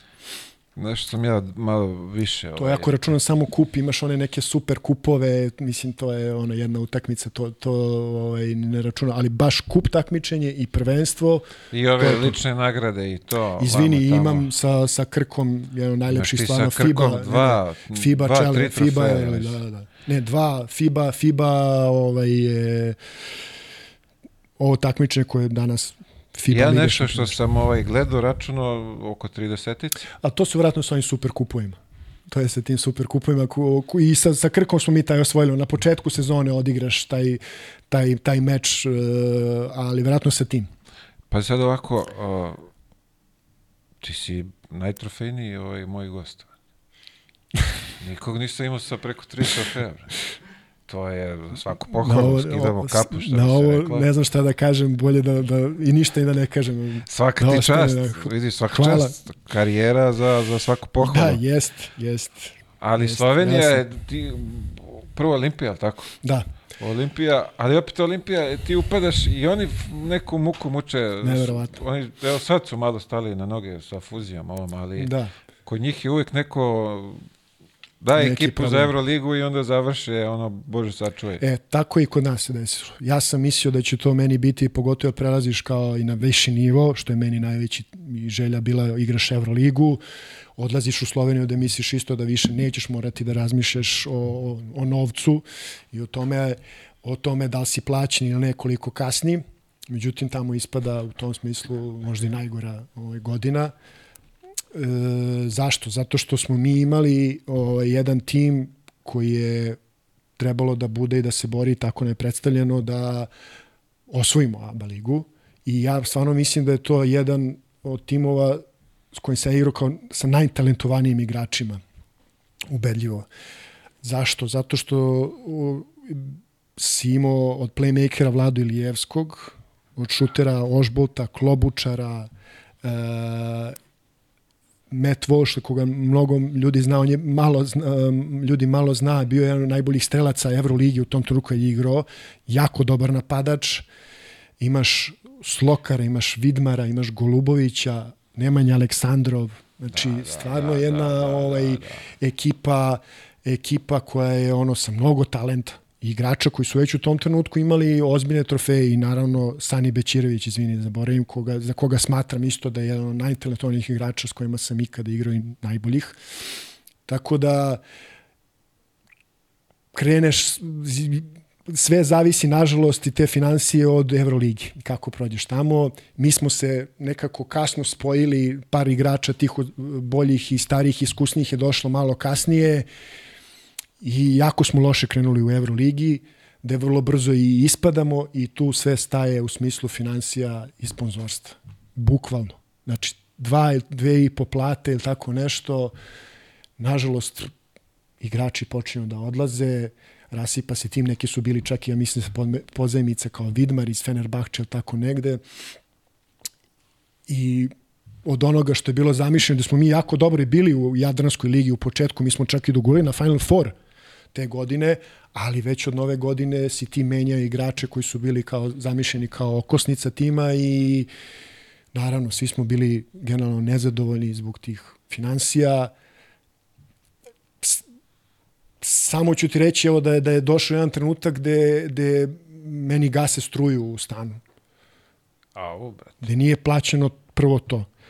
A izvini, pre toga me već dolazi e, gazda stana i kaže nije mi plaćao nekoliko, moraš da odeš u nekom periodu narednom.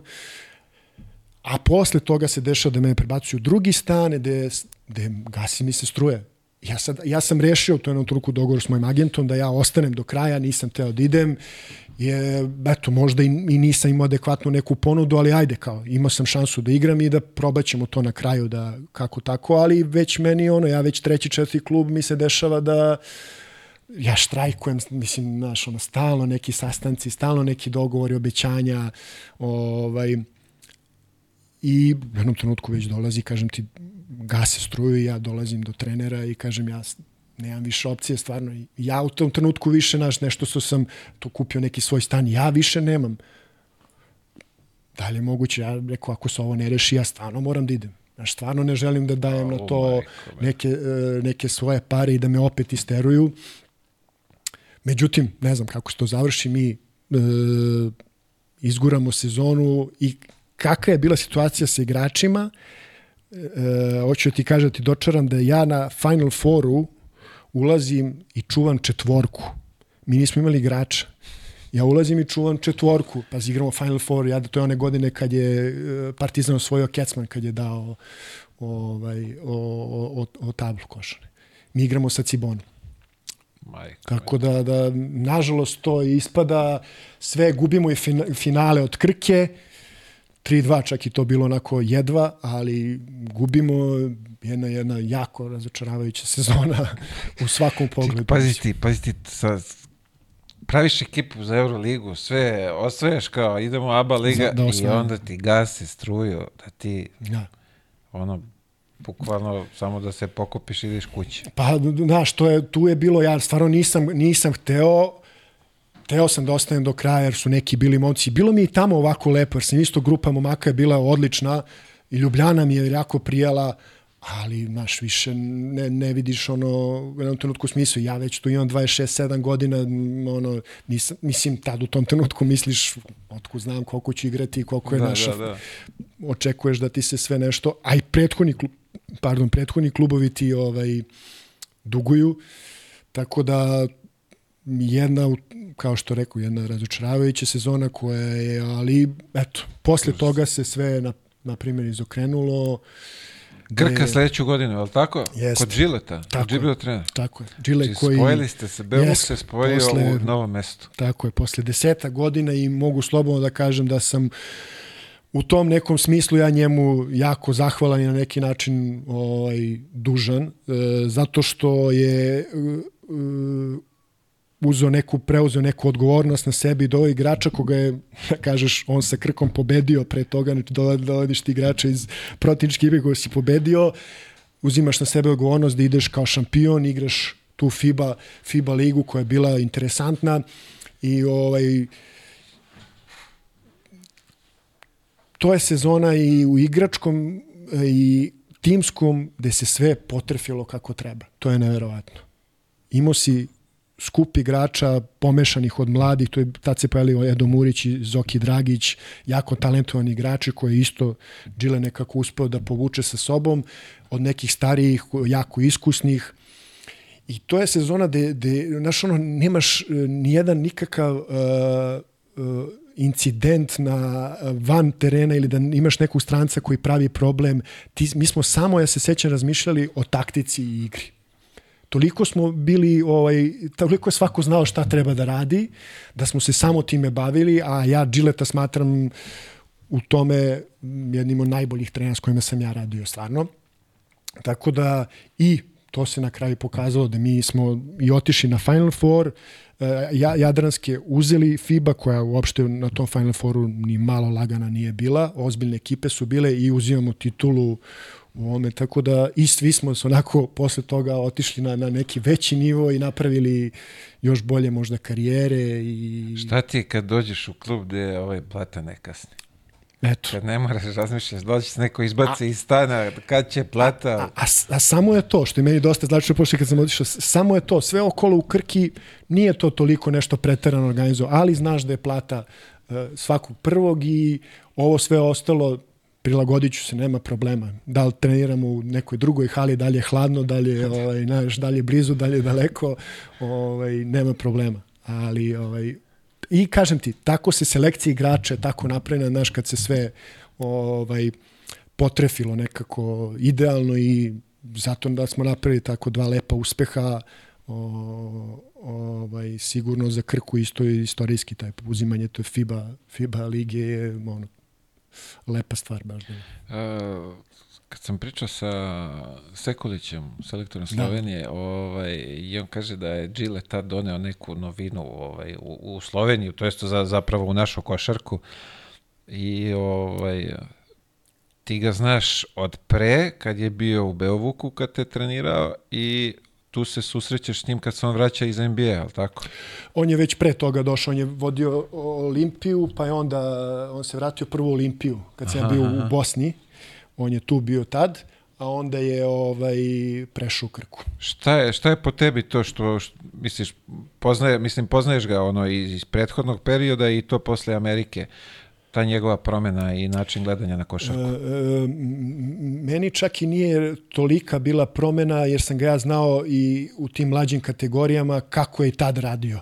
I znam koliko je e, polago ovaj, vremena u, na prvo i na taktičke zamisli, ali i na ta tehničke stvari. Ja sam s, s njim proveo ne znam koliko individualno, on je bio nama i u reprezentaciji mlađoj toj kadetskoj, isto trener, i toliko sam vremena proveo sa njim na tim osnovnim stvarima, fundamentalnim, i, i znam koliko voli, koliko je posvećen bio košaci, a onda u jednom trenutku i na tim taktičkim stvarima za, na koje ja mislim naravno ti možeš danas, ali on se prilagođavao i olakšavao nama krajnjem slučaju, što je najvažnije, da tebi kao igraču olakša kako da igraš protiv nekog i odbrambeno i, na, i, ovaj, i napadački. Tako da e, da sam ja nešto video neki ozbiljan uticaj Amerike, ne znam, nisam tad ni, ni mnogo možda i poznavao, ali u ovom smislu, jer sam i pored toga sedeo sa njim van koliko smo se bavili, pričali o tome, ovaj, znam koliko voli, voli taj način ovaj, komunikacije i igranja košarke. Znaš, polaže na to. Si koliko je bitno, čoveče, kad dođeš u ekipu gde imaš trenera koji zna da te iskoristi, da, da. tvoj potencijal. Ja, sve, naši starije i ne bili su neki iskusni, Simon Petro je bio već u nekim godinama i njega je maksimalno iskoristio. Znaš, kažem ti, baš se i potrefila se ta hemija da naš nije bilo ni neke sujete, da stranac samo jedan uh, vrhunski momak, tako da o, baš se naš nekako sve nacrtalo ovaj, kako treba. Carski. E, a ima jedna samo, izvini što te, pošto Đileta, e, pošto smo se mi ovako družili, period taj između Olimpije i Krke, to leto, sam ja bio ovde i onako smo često sedeli u jednom kafiću, svi onako zajedno, čak i, i Milutin. U tom trenutku kada meni javljaju da ja prelazim u Krku, Đile sedi ovako ispred mene. Meni stiže poruka da on meni ništa i ne govori. Ajke. Ništa mi ne priča. Ja ovako otvaram poruka i kaže, o, Krka ima on ovako sedi. Pa rekao, ali na, šta, ništa. Znaš, kako si ne, o čemu pričaš? Tako da, da, to je isto bilo, kakav je on tip. I kažem, stvarno Čovjek sam... te doveo u ekipu, a da ti nije ni rekao. Da, da, da, da. da. Preko. E, a sada ovako, ti ideš u Belgiju posle Krke, posle uspešne, se, mislim, fantastične sezone, osvojili ste sve, mislim, sem Aba Ligi, ali tako, ovo ste sve uzeli što je moglo da se uzme. A, da li ti je ikad palo na pamet kroz karijeru da ćeš u nekom klubu da se zadržiš 12 godina? Da li si uopšte, znaš ono, kao klinci maštaš, na primjer, ja sam maštao i, i voleo sam ono, da, da u nekom klubu igram ceo život. Nije se desilo, ali opet negde provedeš godinu, dve, tri, ti si, brate, 12. Jeste. Mm, ni, ni sekund, naravno, nisam pomislio ovaj, da će tako da se završi. Pogotovo, ovaj, ovo je vrlo interesantna priča zašto ovaj, je važna da li je to sreća, da li je to karma, ne znam, ali ja sam bukvalno, pošto je počeo drugi trener sa nama uh, u tom Ostendeu, u Belgiji uh, gde mi krećemo jako loše, svi, kao tim isto su neke povrede bile baš, baš krećemo iz, ispod očekivanja. Menja se trener. Ja već čujem kako sam otpušten. To tek posle saznaš da je, da je čak stvarno bilo jako blizu. Između, počinja se priča, ali naš, ne znaš, još uvijek dolazi Dario Đerđa s kojim sam proveo ostali, ostali 12 godina tamo zajedno. Ovaj, ja se sećam, Mile, prva i druga utakmica njegova, kako on tek došao, ja bukvalno ne znam da driblam loptu. Znači, ja sam zaboravio sve od košarke što znam. Ja se sećam kako meni lopta jednom ili dva puta u polu kontri, da mi čak i ne znam da li mi iko napada, ispada. Znači, ništa, sve, toliko smo ušli u loš ritam, kao ekipa igrali loše, da, da smo svi bili katastrofa, ja kažem ti. I prvi neki moment, ovaj, eto, dolazi on, menja par samo nekih stvari, imali smo, ja mislim, i neku pauzu između te igrali smo Evrokup, menja samo neki način treninga, vraćaju se neki igrači, insistira na mnogo više timskoj igri, već posle druge utakmice ja igram jako dobro, ceo tim igra dobro i mi vezujemo 12-13 pobjeda. I sad ću ti kažem, znači, posle trećeg, četvrtog meseca decembar i to je prva godina gde sam ja na ivici otkaza i vjerovatno vrlo brzo ovaj, bi bio da možda se nije promenio trener do toga da ja ovaj, ostajem 12 godina zajedno sa njim i osvajamo sve to što osvajamo, a i to, mislim, sad na kraju mi to i, nego, znaš, to je neki niz i nešto što smo i on prvi, ceo taj klub napravio, a tako je bilo blizu da, da ti ja... Pazi, ovamo gdje si sve bio, kako se, kako se stvari izdešavale, od Rusije do, šta se rekao, Grčka, pa vamo drži ne da je da. Olimpijade, te ono teraju iz gajbe, nema struje, gasiti struju, nema para, do, do ovamo, da je isto na granici si da, da te upakuju da ideš kući. Pa, kažem ti, ja posle saznam kad je sve to, kad se sve to završilo, ostalo mi krenuli da igramo, ja posle saznam da bilo, bilo blizu. Znaš, stvarno da su oni već krenuli da se raspituju, ali ono što, što je, su radili u tom, pretpostavljam, uradili dobro, da su verovali njemu, da je on rekao, verovatno, hoću da zadržim ceo tim koji poznajem, poznajem igrače, verovatno od ranije, on je jako posvećen, zna se, radi jako dobar svoj, dobro svoj posao u smislu skautinga i igrača i selekcije igrača. Vratno je znao da može iskoristiti i tu nam se jedan, sa povrede se vratio jedan jako važan igrač, on je Matt Lujeski koji je posle napravio fenomenalnu karijeru. Ovaj, iz toga napravio nešto i on, poslušali, poslušali su njega, verovali mu u to i eto, sve mu se ovaj, vratilo, a i meni. Ali opet, pa, pazi, to je sve do trenera, znači. On pa, je video gde šta nešto ja ima, verujem, poznao ja da, da, da, da sklopi. U, u ovom, pogotovo jer se to nastavilo. Znaš, taj, taj period osvajanja dobrih igara, 12 godina za redom si ti u nekoj državi šampion, znaš, ma koliko da si dobar ili da misle da imaš kao veći budžet, opet treba uraditi, znaš, a, a nije čak tako ni bilo. Pa da vidi, jedne godine možeš ono što bi se reklo da iznenadiš, ali 12 Pa, sigurno, teško. sigurno. Teško. A, koliko ti je pomogao, ti zatičeš gore zapravo Vesu Petrovića, ali tako? Jeste. Koliko ti je pomogao ovaj, njegov boravak gore i da te dočeka i da te uputi u sve to? Pa, na šta, toliko mi je e, da smo mi dan danas ostali prijatelji, eto to je nešto što bi volao prvo da kažem i cela njegova porodica i dečica su mi jako dragi. E, jako mi je pomogao e, zato što od prvo e, provođenja vremena sa njim van terena, drugo na upoznavanje sa, sa svim ostalim e, kulturološkim e, stvarima u Belgije, do ostale grupe ljudi koje već poznavo, koji žive tamo nevezano za sport i košarku, ovaj, koji se bavili nekim drugim stvarima, ovaj, koji su dan danas isto ostali moji drugari jako dobri. I to je nešto što ja naš najviše pamtim. A Vesa je neko ko je stvarno jedan uh, momak koji insistira na tome i provođenju vremena i, i voli to da radi i voli da pomogne i, ja, i on je čak meni kad sam ja potpisao tek ugovor pozvao na kafu u Beogradu, mi smo seli pre toga da je on meni malo objasnio tu situaciju u kojoj se ja na kraju ispod loši malo nisam otpušten, da mi je naglasio da kod njih se e, statistika jako važna. Znaš, gledaju strance tako da ode, što ovaj trener Đerđa naravno promenio, nije bilo važno toliko. Znači, oni su stvarno gledali svi po brojima to. A meni kad kažeš je moraš da daš danas 15 poena i da imaš 6-7 asistencija, ja sam sigurno nula poena. Možda izborim tih asistencija sigurno, ali Krompir nula, je nula sigurno. poena je sigurno ako mi kažeš da moraš da daš 15. Koliko, ali viš, to je jebote isto i psihološki, znaš, možda utiče na čoveka kad, kad je nešto podmoranje. Pa da, ni, ja mislim, sve što je podmoranje, to je loše. Pa, da, a nisi taj tip, nisi skorer, nikad nisi bio, mm, nisi nikad na taj način igrao, znaš, zavisio si dosta od e, saigrača, prva ti uvijek bila, je moja bila kao playmakera kako da razigram druge, a ne sebe.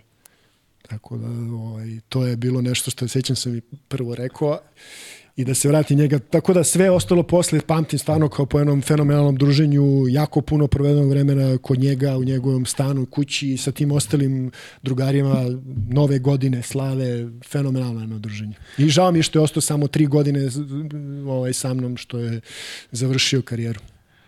Pa dobro, vidi. Ja, kad, kad se on penzionisao? E, mislim da je 14. A, ku, Imao je e, 36, ja, 35, 36. pa dobro, vidi, to su ozbiljne ovaj, Da, da, da, da, da, jeste, jeste.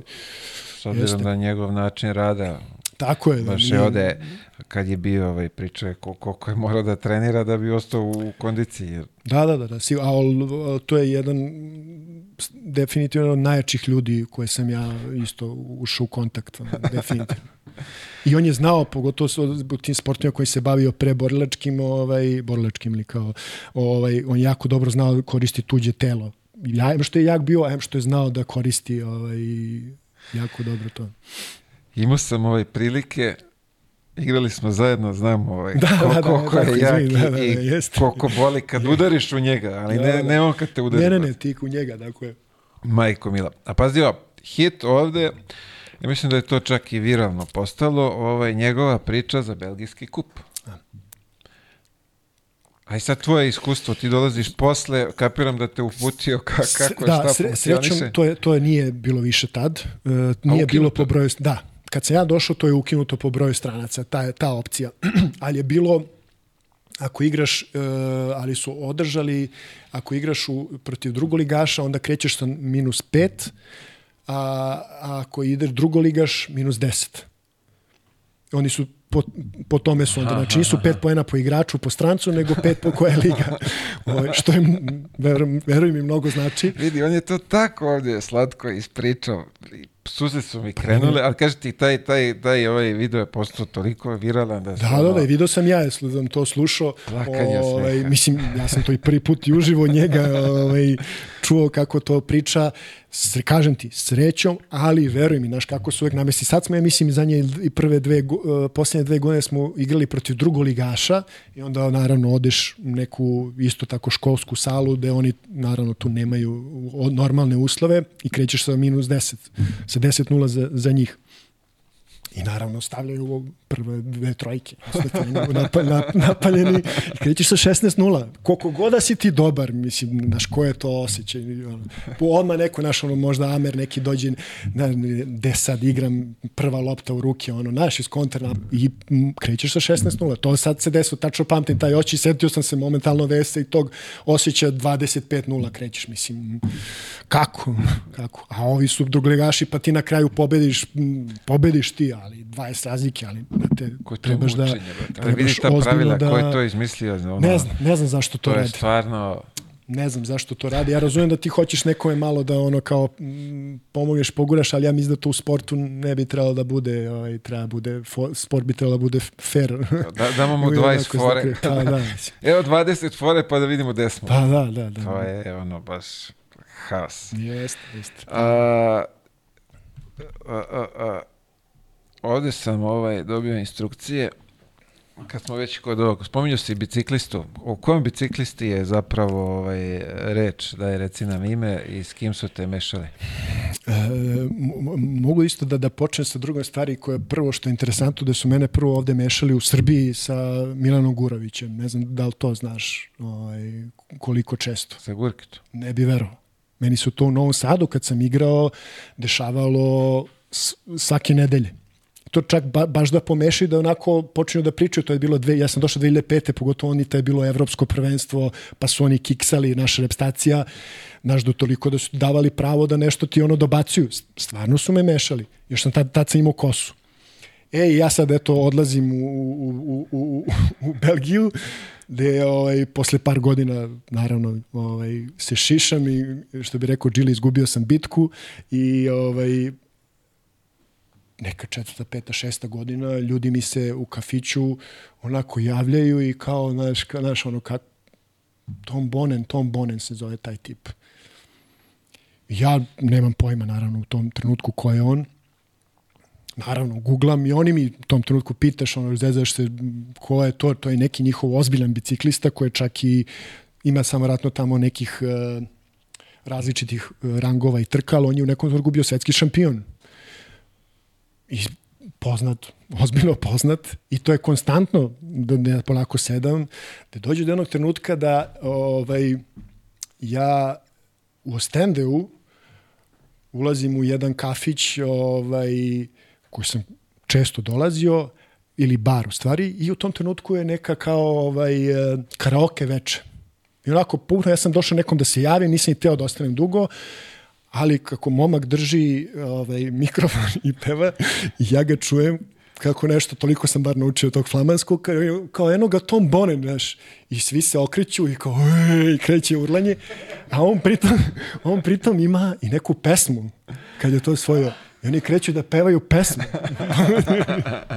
ja naravno sve ono cool, ali to traje, razumeš, nije ono, znaš, ne, malo su popili, vi, znaš, ne pušta ih brzo, ta euforija i kreću da pevaju, to je neka, onako polu neki, onako brza neka pesma, ritam, Tomek je, Tomek je, nešto je vezano tako kad je osvojio, nije ni bitno. Uglavnom počinju da pevaju to, javljaju se ja ništa, ono, naravno već vidim Beži da postaje da, dok izlazim nisu i završavam. da, da, da.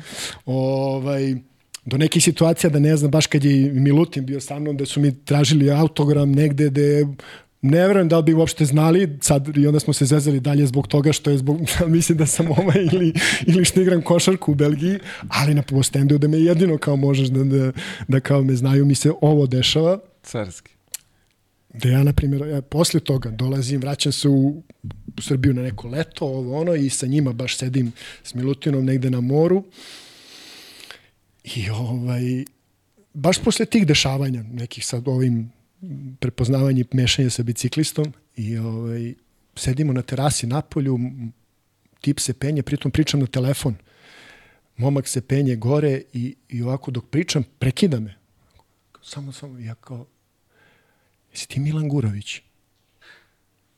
Pa rekao, spuštam, on rekao, nisam, rekao, stvarno nisam, rekao, a on ono poluraz, a ne, stvarno, kao, on je ubeđen bio, pritom se popeo na, na terasu našu, prekinuo me dok pričam, da bi ono, da bi me pitao da li sam Miran Gurović. Ja ovako, znači, ćel, ćelav, već to pre par godina se dešava.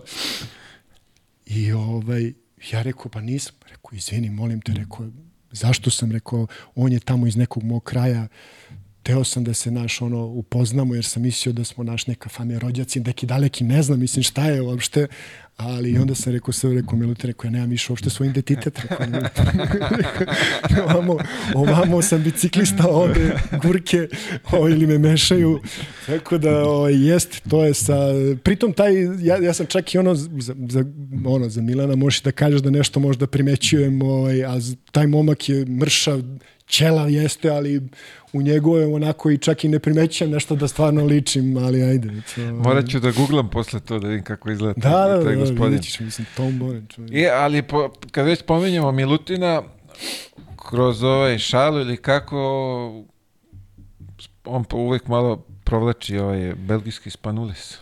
Da, ma, jest, jest. E, ličiš, brate. Vla, Vlade, liči sad na, kad smo već ovde na, na i Tom Bonen i, Gurke, ili ima i na Spanulisa malo? Ne. Pa ja isto za Spanulisa ni malo. Mislim da je to je, to je ovaj, se on možda zezo zbog i pozicije i malo tamo osvajanja nekih titula i neke načina koje sam igrao, pa to je tako ispala ovaj, što meni naravno imponuje ovaj, ta fora. A, kad smo kod ovih svih titula, to sam malo pre zaboravio da te, koju bi izdvojio, n- za, za koji bi od njih izdvojio kao za, za najdražeg? Od 30, teško je reći koji je najdraži. Da.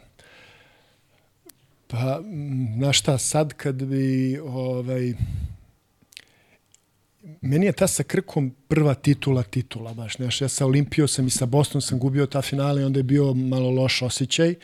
Ta sa Krkom je bila nekako prva titula, baš titula šampionata, što se nekako valjda najviše računa.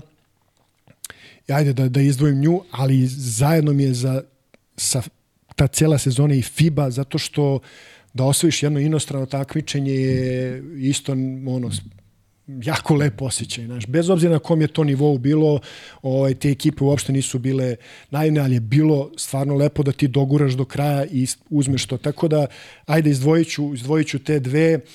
Uh, u Belgiji ih ima, uh, ima ih dosta, ali zbog ovog kraja i kako se završila ova poslednja moja, i, izdvojit ću tu zato što se to potrefilo kao moja poslednja utakmica tamo i na neki način oproštaj od svega onoga ovaj, od grada, kluba, ja posle toga više nisam igrao zbog povrede, mi smo imali neku još par nekih utakmica u drugoj nekoj ligi, ali tu sam ja definitivno završio svoju karijeru.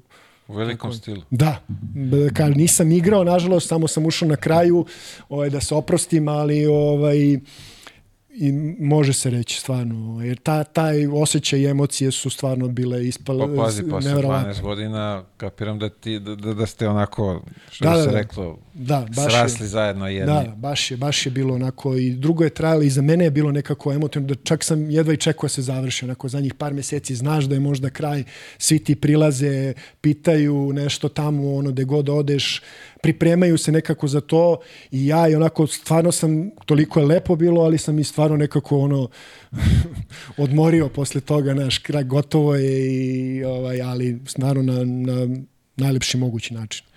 A, reci mi ovo, je li u planu neko gore podizanje dresa, ili ima to? Kako, kako to funkcioniše? Ne znam za sad. Za sad ne znam. Uh, ovaj, nisu najavili? I kao jesu nešto, ali su, nisu teli ništa da, da mi konkretno govore kad, kako i šta. Za sad, eto, da je Kosta to će bude kao Džile. Nije ti se da, da, da, da, te da, da, samo, samo, samo dođi, da, samo dođi. A, je, uh, je bio neko duže gore od tebe? Jel se zna neki podatak nešto ili trofejnije u, u Belgiji? Od naših ili pa ili od njihovih, bilo ko. S obzirom brojem trofeja, ne pa ne, da ih ima baš čak mnogo. Ni, ni, ni Belgijanci i ovi su se svi promenili, pa je vraćali, odlazili, vraćali se, ali mislim da ne. Mislim da ne. Možda nešto tamo onim prvim ranim početcima te ligi i tog kluba, ali mislim da ne. Mi smo oborili rekordi po uzastopnim titulama tamo, sigurno. Tako da, da ovaj, mislim da nema. Hvala, Alvera. Uh, posle svega toga, je bi mogo da mi izdvojiš nekog najtežeg protivnika? Malo pre smo pričali pa o da. J.R. Holdenu. Pomenuli smo J.R. Holdena i Nikolu Taševića kao sigurno neke koji su ovaj, e, e, bili pogotovo u odbrambenom ovaj, smislu. A bio je jedan ovaj, što je bio u Zvezdi, ako sećaš sam ja pre njega, Joe Reglan se zove playmaker. Mislim, znaš sigurno, bio je kratko, ne znam da je celu sezonu bio u Zvezdi. E, na primjer, pa, par godina za redom sam protiv njega, u od, ja kad sam odbrani, to je i dalje bio i dodatno ne, nešto inspirisan. Na primjer, to je bilo nešto gde sam ja jako teško mogu da, da, da, da pariram ni blizu koliko je bio imao ovaj, širok spektar napadački, to je neverovatno bilo. I se tako potrefilo. Njega sad onako propamtima. Bili su mnogi, bio, igrali smo protiv mnogo dobrih timova kao što je Valencija, po tim Evrokupovima, Valencija, Unix, eh, Sam Van Rossom koji je sad otišao s neko inače Belgijanac, njega isto pamtim kao jako dobrog odbrambenog igrača, jako teškog za, za, za hendlovanje. Tako da bilo je eh, bilo je mnogo ovaj mnogo igrača koji su prošli, sad sigurno sam još nekog zaboravio, setiću se možda da, da, je, da, je, da je bio, ali ovi su, ovi su u tim ranijim fazama sigurno, mislim, Holden je ubedljivo neko, jedan od najboljih igrača, plus naravno sa im nekim kojim sam trenirao, kao što su i igrao protiv Vlado Ilijevski, jedan od playmakera koji da, je da, ovaj, da, da. Jako, jako ovaj, težak za čuvanje i praćenje ideja i jako talentovan igrač. Tako da Neki od najtalentovanih su bili pored tebe? Koga bi izdvojio? Pa ja, e, kao što, eto, na, na mojim pozicijama, pored uh, Ilijevskog, smatram za Sanija Bećirovića za jednog isto talentovanog, ekstremno talentovanog igrača, kome su, nažalost, ja mislim, i, povrede malo ovaj, usporile uh, ovaj, celu karijeru, ali on je znao se i, i ono što što je jako interesantno njega je što volim da kaže lako, lepo e, e, bilo ga je gledati lepo dok igra znaš taj osjećaj taj pas ta nepredvidivost to je to je neko što je ono ima Nemanja Aleksandrov je jedan talentovanijih igrača sa predispozicijama sigurno koje, koje sam igrao. Ovaj, ja sam imao priliku da igram, to, to sam se skoro setio i stalno zaboravljam, da, da se ti sećaš da trebalo bi ovaj, Igor Kudeljin, ko je levoruki šuter. Da, da. E, ja sam s njim igrao u Lokomotivi. E, mi smo ga uhvatili za Dinamo, ja mislim da E, je moguće bio, da si još, e, tako, da, da, to, da. Igrao još uvek, A, jeste. moguće. Uf, ček, sad si me zbunio. Znamo kome je reč, ali mislim da je on nastupao kod, kod Dude u, u Dinamo. Ne, ne, ne, nije. Nije, znam na to. Nije, ne, mislim da nije. Ne, ne, ne, nije, nije. Mislim da nije, to je neko drugi bio. Ili je bio u Unixu. Moguće u Unixu da je igrao, da je završio tamo. Levoruki, oni što, što on je igrao onih godina 98. kad je naša reprezentacija igrala pro 97. 98. igrao za Rusiju, oni Karašev su bili... Znamo kome pričaš, E. samo ja mislim da, da smo ga uhvatili u, u Unixu. Moguće u Unixu. Moguće, ne, moguće. U Dinamu mislim da nije 100%. posle da igrao, ovaj, ali moguće u Unixu da je otišao. To, čak i ja pamtim da sam negde ovaj, vidio. E, na primjer, to je jedan od igrača isto koje, ja sam i Vasilij Karaša protiv njega igrao, koji isto bio jako zedu, sad malo vraćam film, ovaj, užasno dobar šuter i užasno talentovan sa tako velikim bezobrazlukom, ono da to nije normalno. To su Ozbiljne dva. prangije. A Kudeljev sam prisustuo, igrao je sa mnom kad je dao 49 poena. Wow. Da, to je bilo ono, on je mogao se digne kao što ovo sada rade, do duše tad je bila i kraća trojka, ali tad je to izgledalo daleko još, ali ono, bez problema sa 9 metara, tako, sa takvom lakoćom, da to nije normalno. wow. Pazi, oni su... Ma bre, 100% je bio u, Jeste, jeste, moguće. u Kazanju ja sam smo- da je, da, je, da je u kazanju. Mislim da u Dinamu nije kod Dude, svi ne vjerujem da bi Duda isto ga uzeo u tim godinama. On je već tad imao mojim 32-3, ja mislim. Ali 100% je bio vama. Ali moguće da jeste to. E, idemo sad na rubriku repka.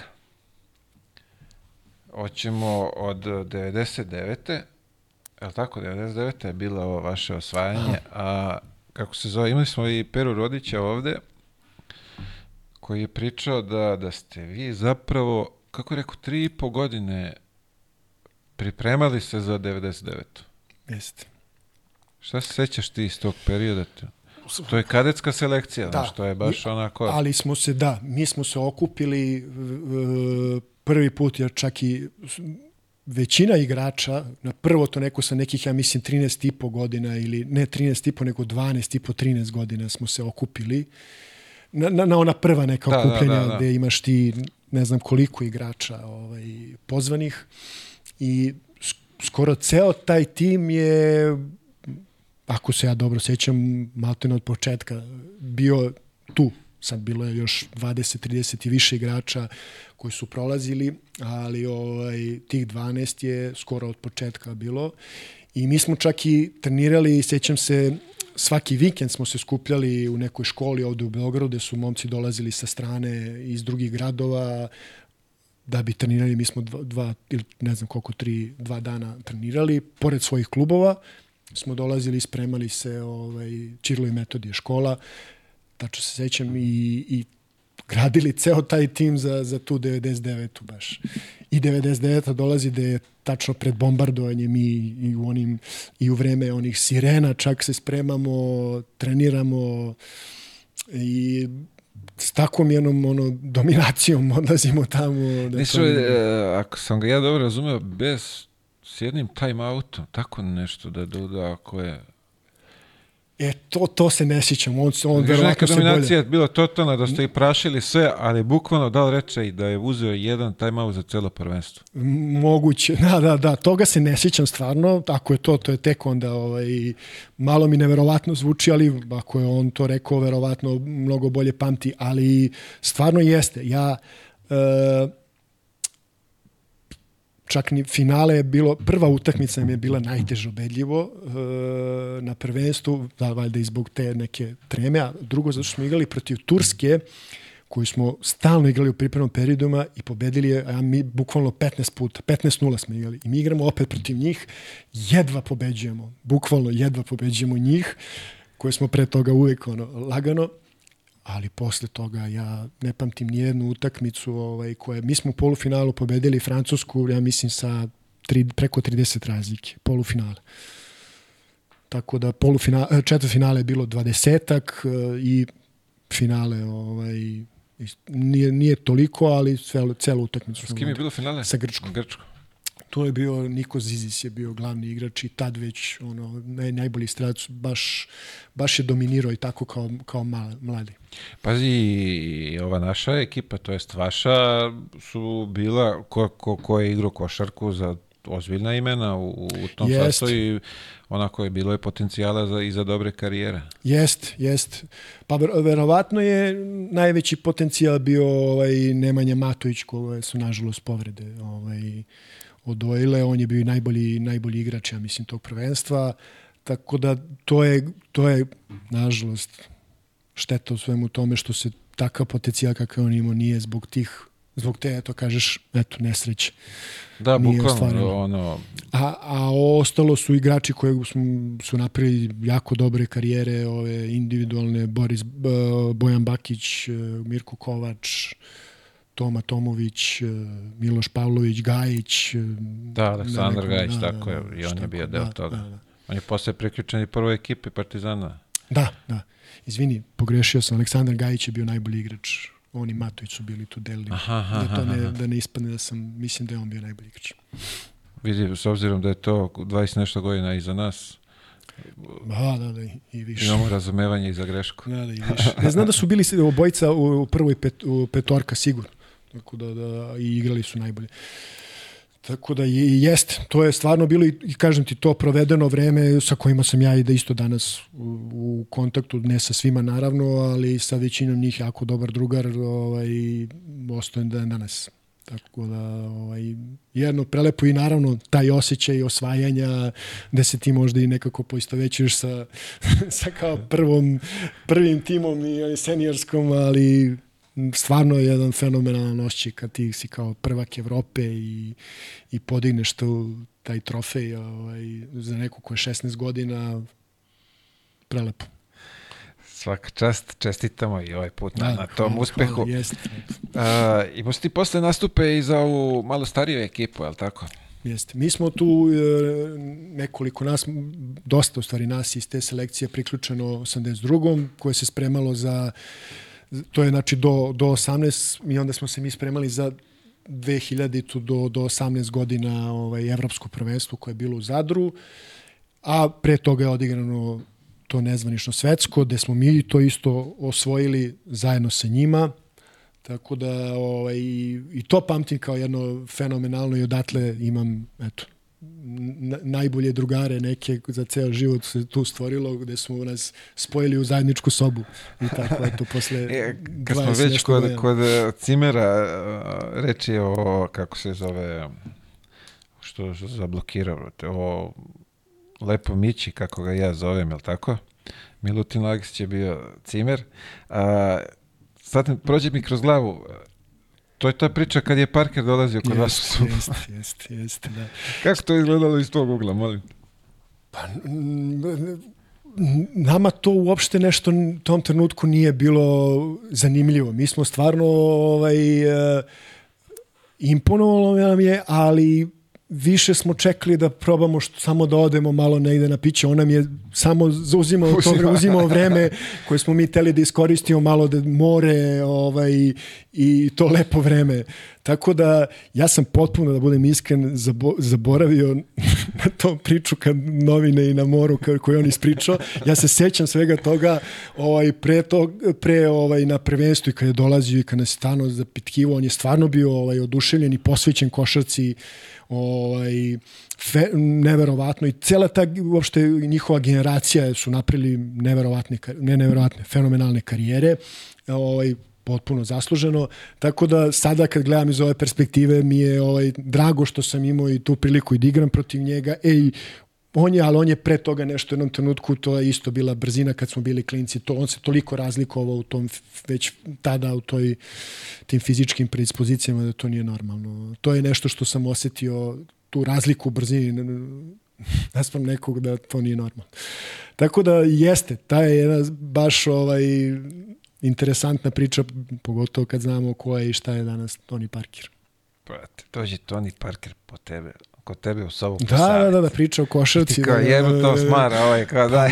Mislim, stvarno je ono... Da, A dobro, to su juniorski uzrasti da, ko, da, mi još pogotovo pre toga. da veruje da će on postati to što jeste. Da, da, da, mislim, nismo razmišljali uopšte o tome, ne bi, isto bi verovatno postupili da, da smo znali, ali u tom trenutku, jer ovaj, nešto nam je drugo bilo malo interesantnije. Daj bre, dečko, ne smaraj. Pa, Hoćemo napolje. Da, da, pustimo živo malo borovine.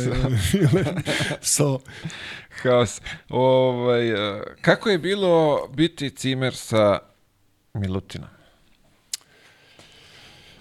e, možda i to pored tih ovih priprema pre nego što su se priključili e, toj starijoj generaciji i posle te, pogotovo te prve pripreme, i prvi prvo naše spajanje ovo je jedan od najlepših perioda e, zato što smo mi bili na nekim na pripremama obično ili Novi Beč je Vršac i stvarno smo ovaj uživali u tom druženju i zajedničkom i izlascima koliko god smo mogli i to je bila jedna stvarno isto grupa momaka gde su stvarno svi imali želju za takvim, za takvim druženjem, zajedničkim naš.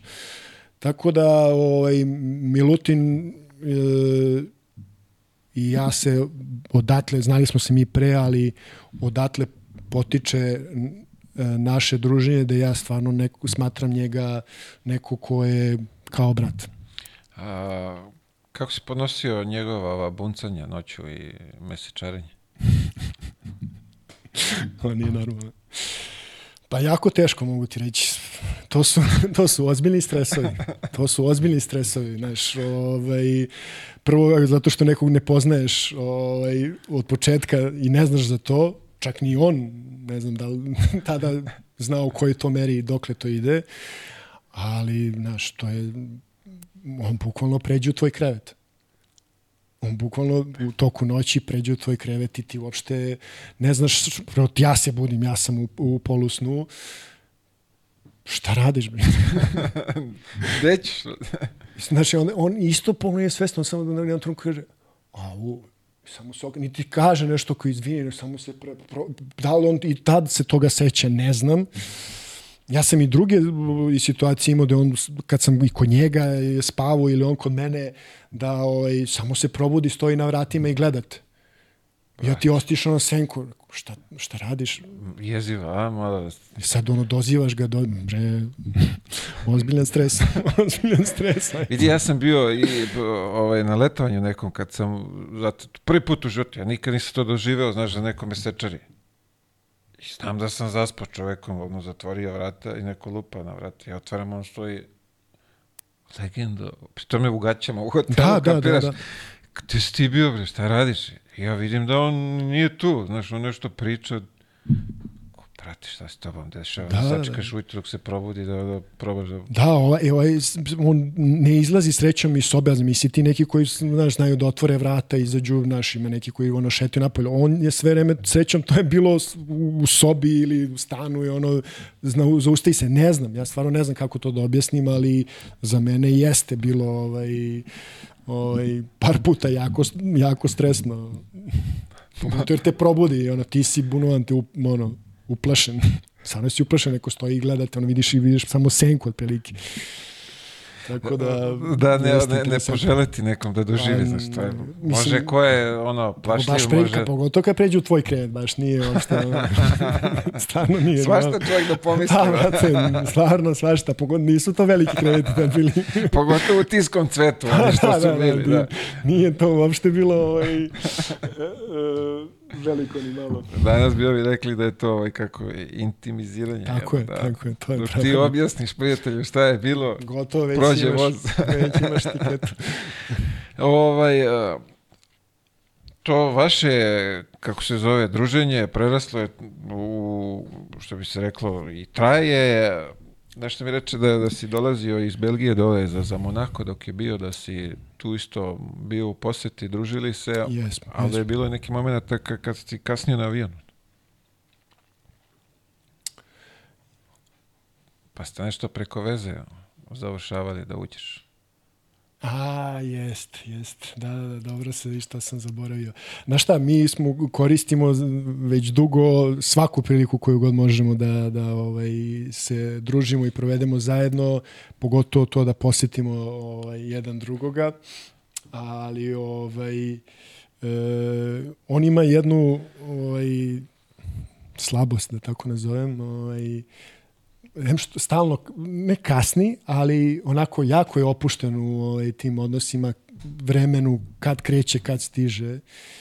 I tako je ubeđen bio i za taj ovaj, odlazak eh, moj iz Monaka nazad za, za, za Ostendi, za Belgiju, da ja sam baš u knap u vremenu, jer sutradan verovatno sam, ili, ili idem pravo na trening, mogu setim da li je bilo jutro, ne, ne znam šta je, ali mi dolazimo da su ono svi već ono prošli, razumeš? Srećom, ovaj, jako fina žena na, na, ovaj, na pultu radi, da mi ono, molimo i objašnjavamo i ono, da, da je ona, mislim da čak je bila ili bugarka polekla, ne mogu da setim tačno, ali ovaj, znaš, ozbiljne stresove zbog toga, zbog toga do, doživljavam. Jednom, a jednom se desilo da ga vozim, a on zaboravi pasoš, pa mora da se vrati. To je, ja sam, to je ovde se desilo. Tako da ovaj, jako je opušten u tim ovaj, odlasima. Znači, pored njega samo stresovi. A ja, sam, a ja sam možda čak i malo, ja volim da to sve ranije, pa volim da malo dođem, da ne želim da popijem kafu na, samo da je što ranije. Nikad ne znaš, i sto puta mi se desilo i kad nisam planirao da, naš kasnim, a, ovaj, zbog drugih nekih stvari, onda je to samo ovaj, nepotreban stres, a on to nema toliko, tako da ovaj, Zato je njemu lepo. Pa da. Zato ga i zovemo Lepi Mić. Da, plus to. Ove, uh, ovo me zanima. Uh, reče mi da si izgubio neku loptu, da ste u Zadru nešto, da si zeznuo stvar, Jest, da, da, da je mogla da bude i neka medaljica oko vrata. Da, da. To mi nikad nije oprostio. Vidim da, da i nikad neće, verovatno.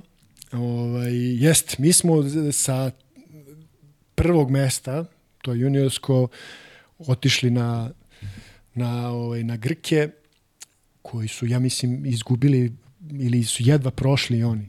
Ali jako dobar tim imaju. Gde su, ja mislim, čak i oni, ono, koliko su ljudi, sećam se, pričali da su oni poludeli što idu na nas. Razumeš da smatraju.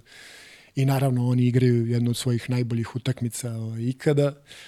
A meni dođe da lopta u, u- da prenesem u, u tom trenutku jednom da li dva ili dva ili tri napada pre, pred sam kraj, ali jedno odlučuješ da na nerešenu tako nešto ili možda čak i na našu, ne znam, ali pola koša ili za njih pola koša na pola terena. Na ono najgore da da praviš pravim rolling, a ovaj te onako malo malo te povuče, gurne ono što se koristilo sve legitimno, ali meni ispada. Ja pamtim samo da neko bacanje za loptu, ovo da gubi, njima dolazi, gde što najgore mi branimo taj napad, ali nam oni skaču i tu se definitivno završava, ja više to vratno i, i ne pamtim. 100% ovaj lokal, Milutin nije i, zagradio. Ovaj, i da, da, da. Pa Nije ja, zagradio. šta, ja, ja krivim i njega, znaš, ako si bio lider te generacije, jedan od najstarijih, uzmi ti loptu i prenesi.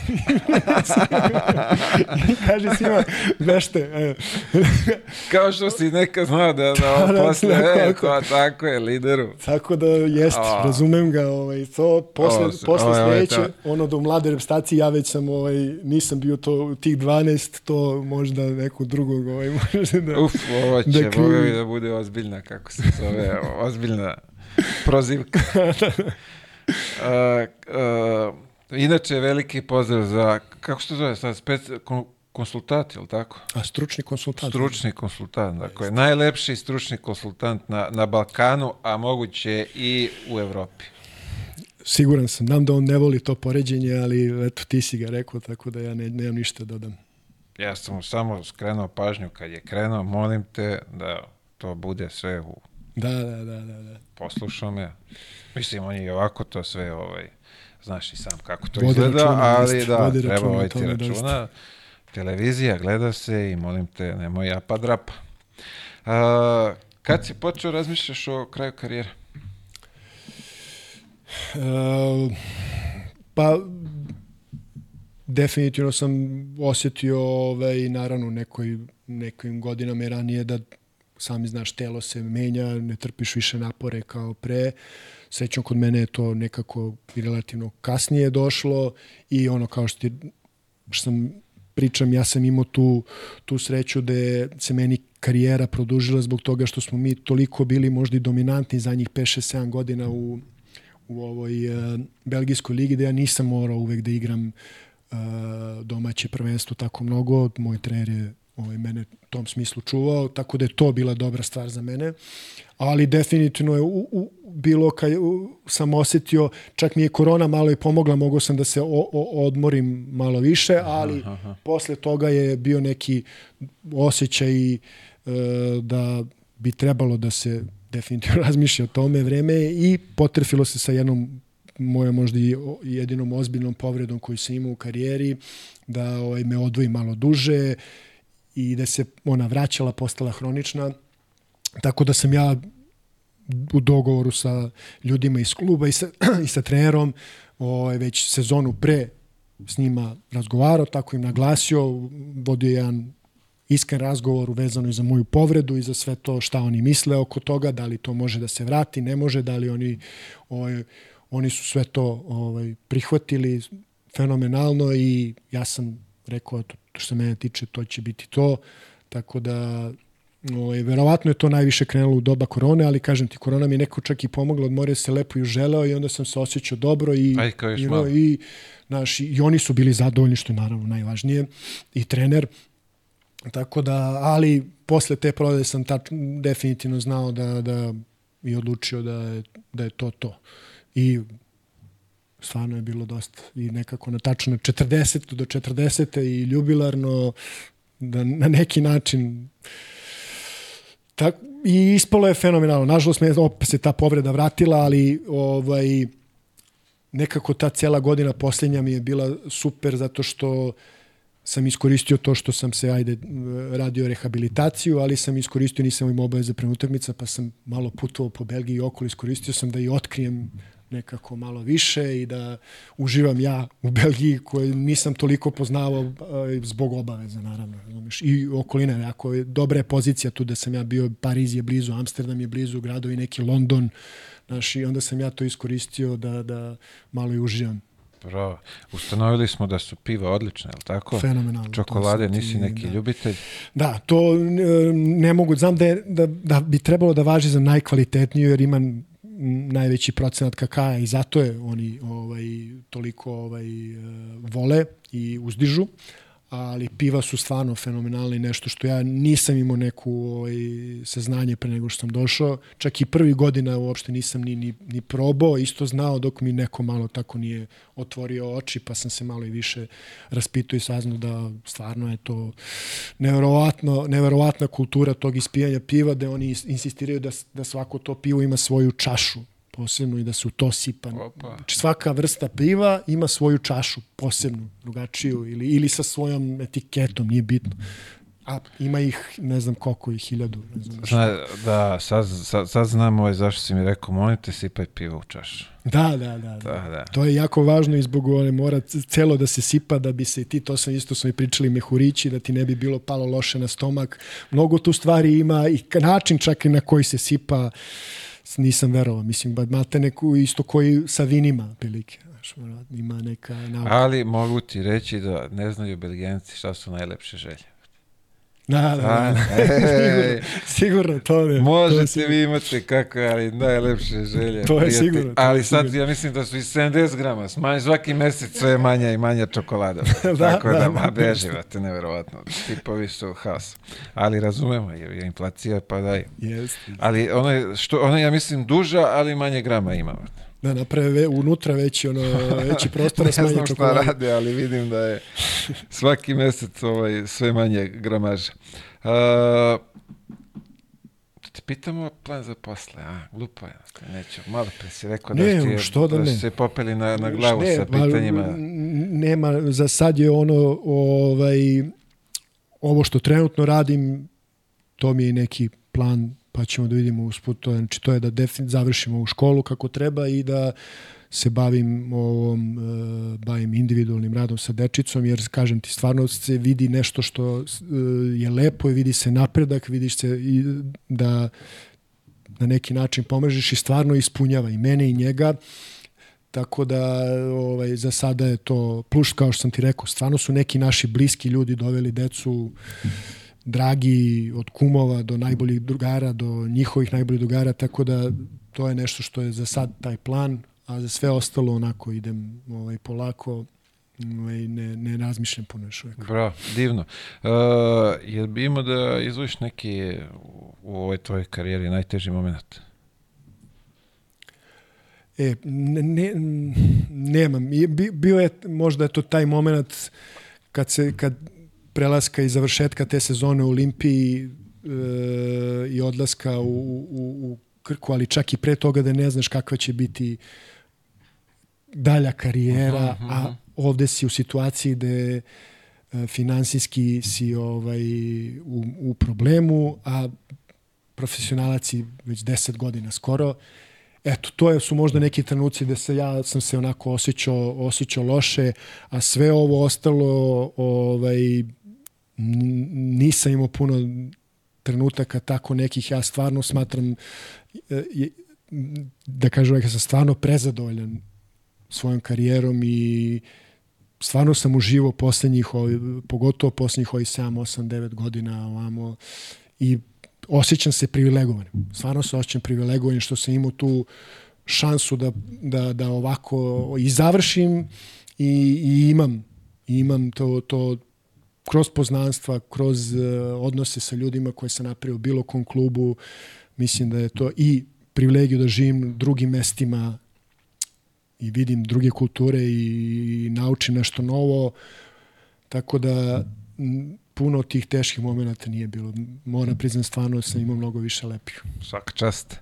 Svaka čast. Uh, daj mi savet za mladi naraštaj, što bi se reklo. Pa o, mislim da je najvažnije da vole. Ako žele da se bave o, košarkom, mislim da je najvažnije da to zavoliš i da moraš da se posvetiš i mora da bude nekog odricanja, jer iz mog iskustva, kao što sam i ovo sad prethodno rekao, ja ovo nešto stvarno smatram jednom od uh, najlepših poslova koje neko može da ima. Mislim da, da pritom se baviš nečim što bi trebalo da bude kao fair sport, znači nadmetanje, uh, da pokažeš da li si bolji ili nisi bolji, daje im save da uživaju u tome, ali kad god da rade, da se posvete time 100%, jer samo tako ima smisla i samo će se tako oni osjećati dobro. Možda ti nećeš se baviti e, košarkom na nekom najvišem nivou, možda ćeš igrati kao i ja u Belgiji, zato je ovo jedan razloga što pričam, što neko može i u Belgiji da stvarno uživa u košarci i, i bude ponosan na svoju karijeru. Nije neki najviši nivo, nije sigurno jedna od najboljih liga u Evropi, čak daleko od toga, ali ti možeš da uživaš u tome što voliš samo ako se onako posvetiš ovaj, i ponavljam opet voliš. Bravo, divno. Uh, najteže pitanje za kaj sam ostavio, kao i uvek, uh, petorka sa igrača. Mislimo na, na ove domaće naše, to Aha, XU, XU prostore, da. Dobro, to si mi dosta si mi onda o, Da, o, ne bi da ubacujemo ovaj... Belgijance i šta već si imao od Amerikanaca, nego ovo ovde, u našim okvirima. E, pa stavit ću Sani Bećirević.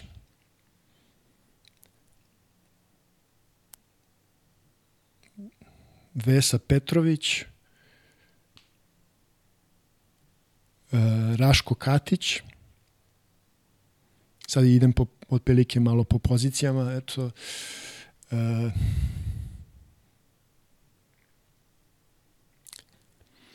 Stavit ću i koji je isto centar Andrija Stipanović, sa njim sam jako dobro uh -huh, sarađivo. Uh -huh. Generalno sa centrima sam uvek imao dobru saradnju, pogotovo sa onima koji vole da se uvaljuju i vole kontakt igru. Pa eto, još neko mi fali, ali